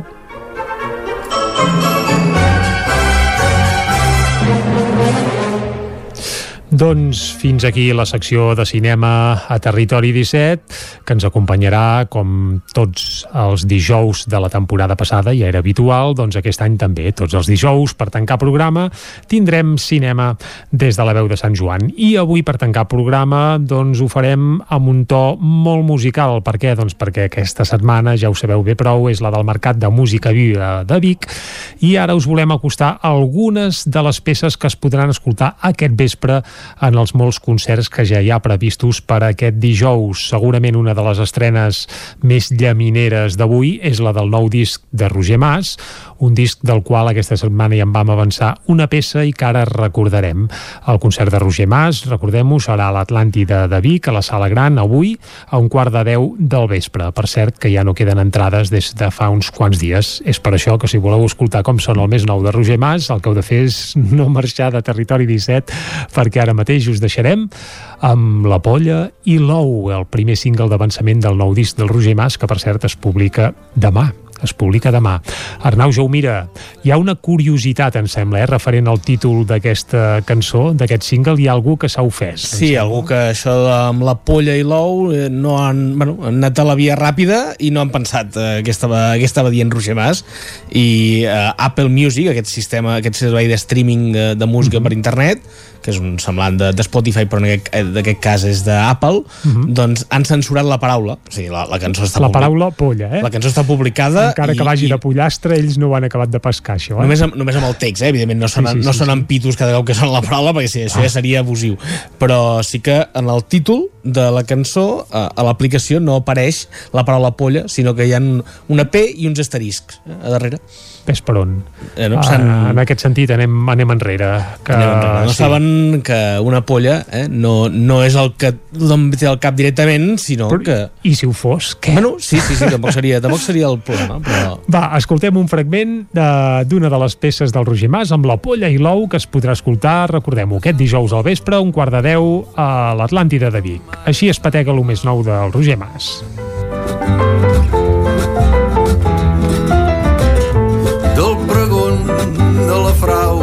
i de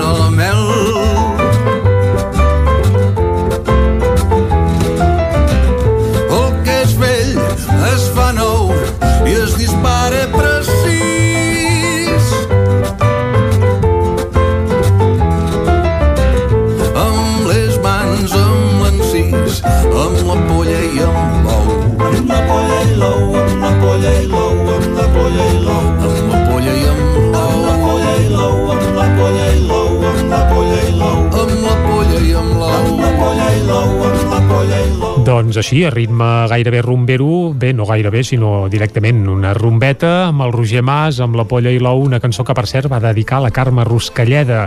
Això sonarà avui al Mercat de Música Viva de Vic, però hi ha altres propostes. Per exemple, un altre escenari, en aquest cas a l'aire lliure, l'escenari de la Bassa dels Hermanos, també conegut amb el nom oficial de la Bassa dels Germans Maristes, doncs en aquest escenari avui hi haurà una de les bandes que sobretot entre els més joves eh, podríem dir que ho està patant. Són els Tiets, una banda de Mataró, que actuaran a tres quarts d'onze de la nit eh, aquí, en aquest escenari de la Bassa dels Hermanos, presentant el més nou de, de la seva proposta. Els Tiets, una espècie de formació de trap, això sí, en català sonen així. Després d'una festa Avui fa tempesta Tinc ganes de quedar-me al llit Ja no podem fer Tinc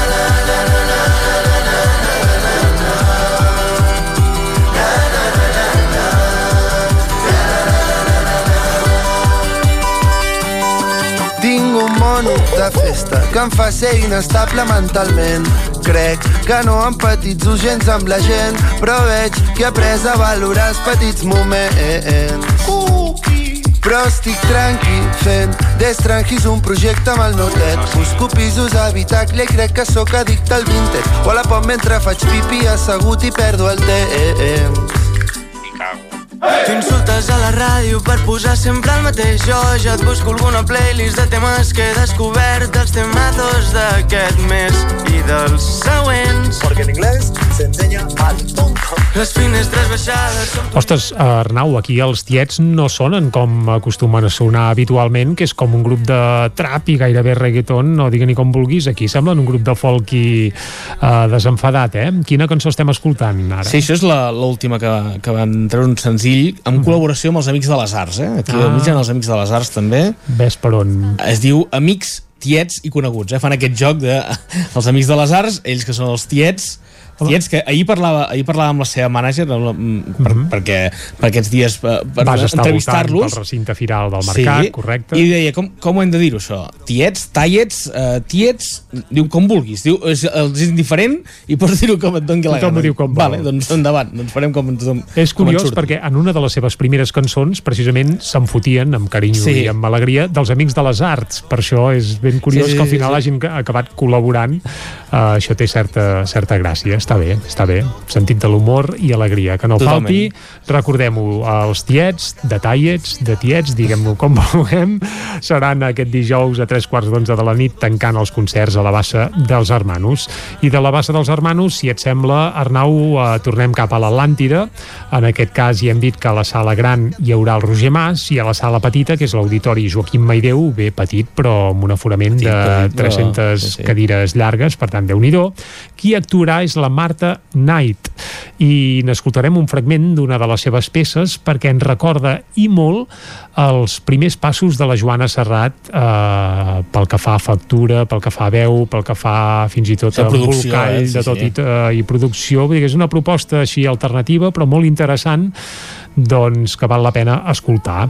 El concert de la Marta Knight serà a un quart d'onze de la nit a l'Auditori Joaquim Maideu i en aquest cas sí que encara queda alguna entrada. Per tant, si us fa el pes anar-hi a treure el cap, si val i encara queda alguna entrada disponible per anar a escoltar el més nou de la Marta Knight que sona així. Això és Resurrection.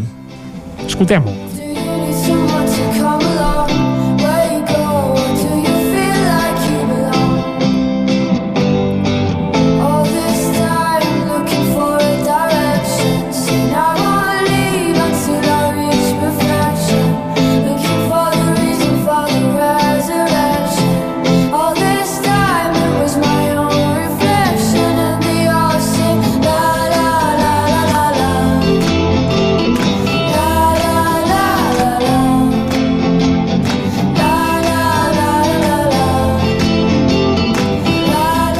Doncs el concert de la Marta Knight serà un dels 13 que hi haurà aquesta nit de dijous en el marc del Mercat de Música Viva de Vic. N'hem repassat alguns avui aquí a la part final del Territori 17, un Territori 17 que ara ja va plegant veles i això sí, us emplacem a tornar-nos a trobar de nou demà. Com sempre us farem companyia des de les 9 del matí i fins a les 12 del migdia.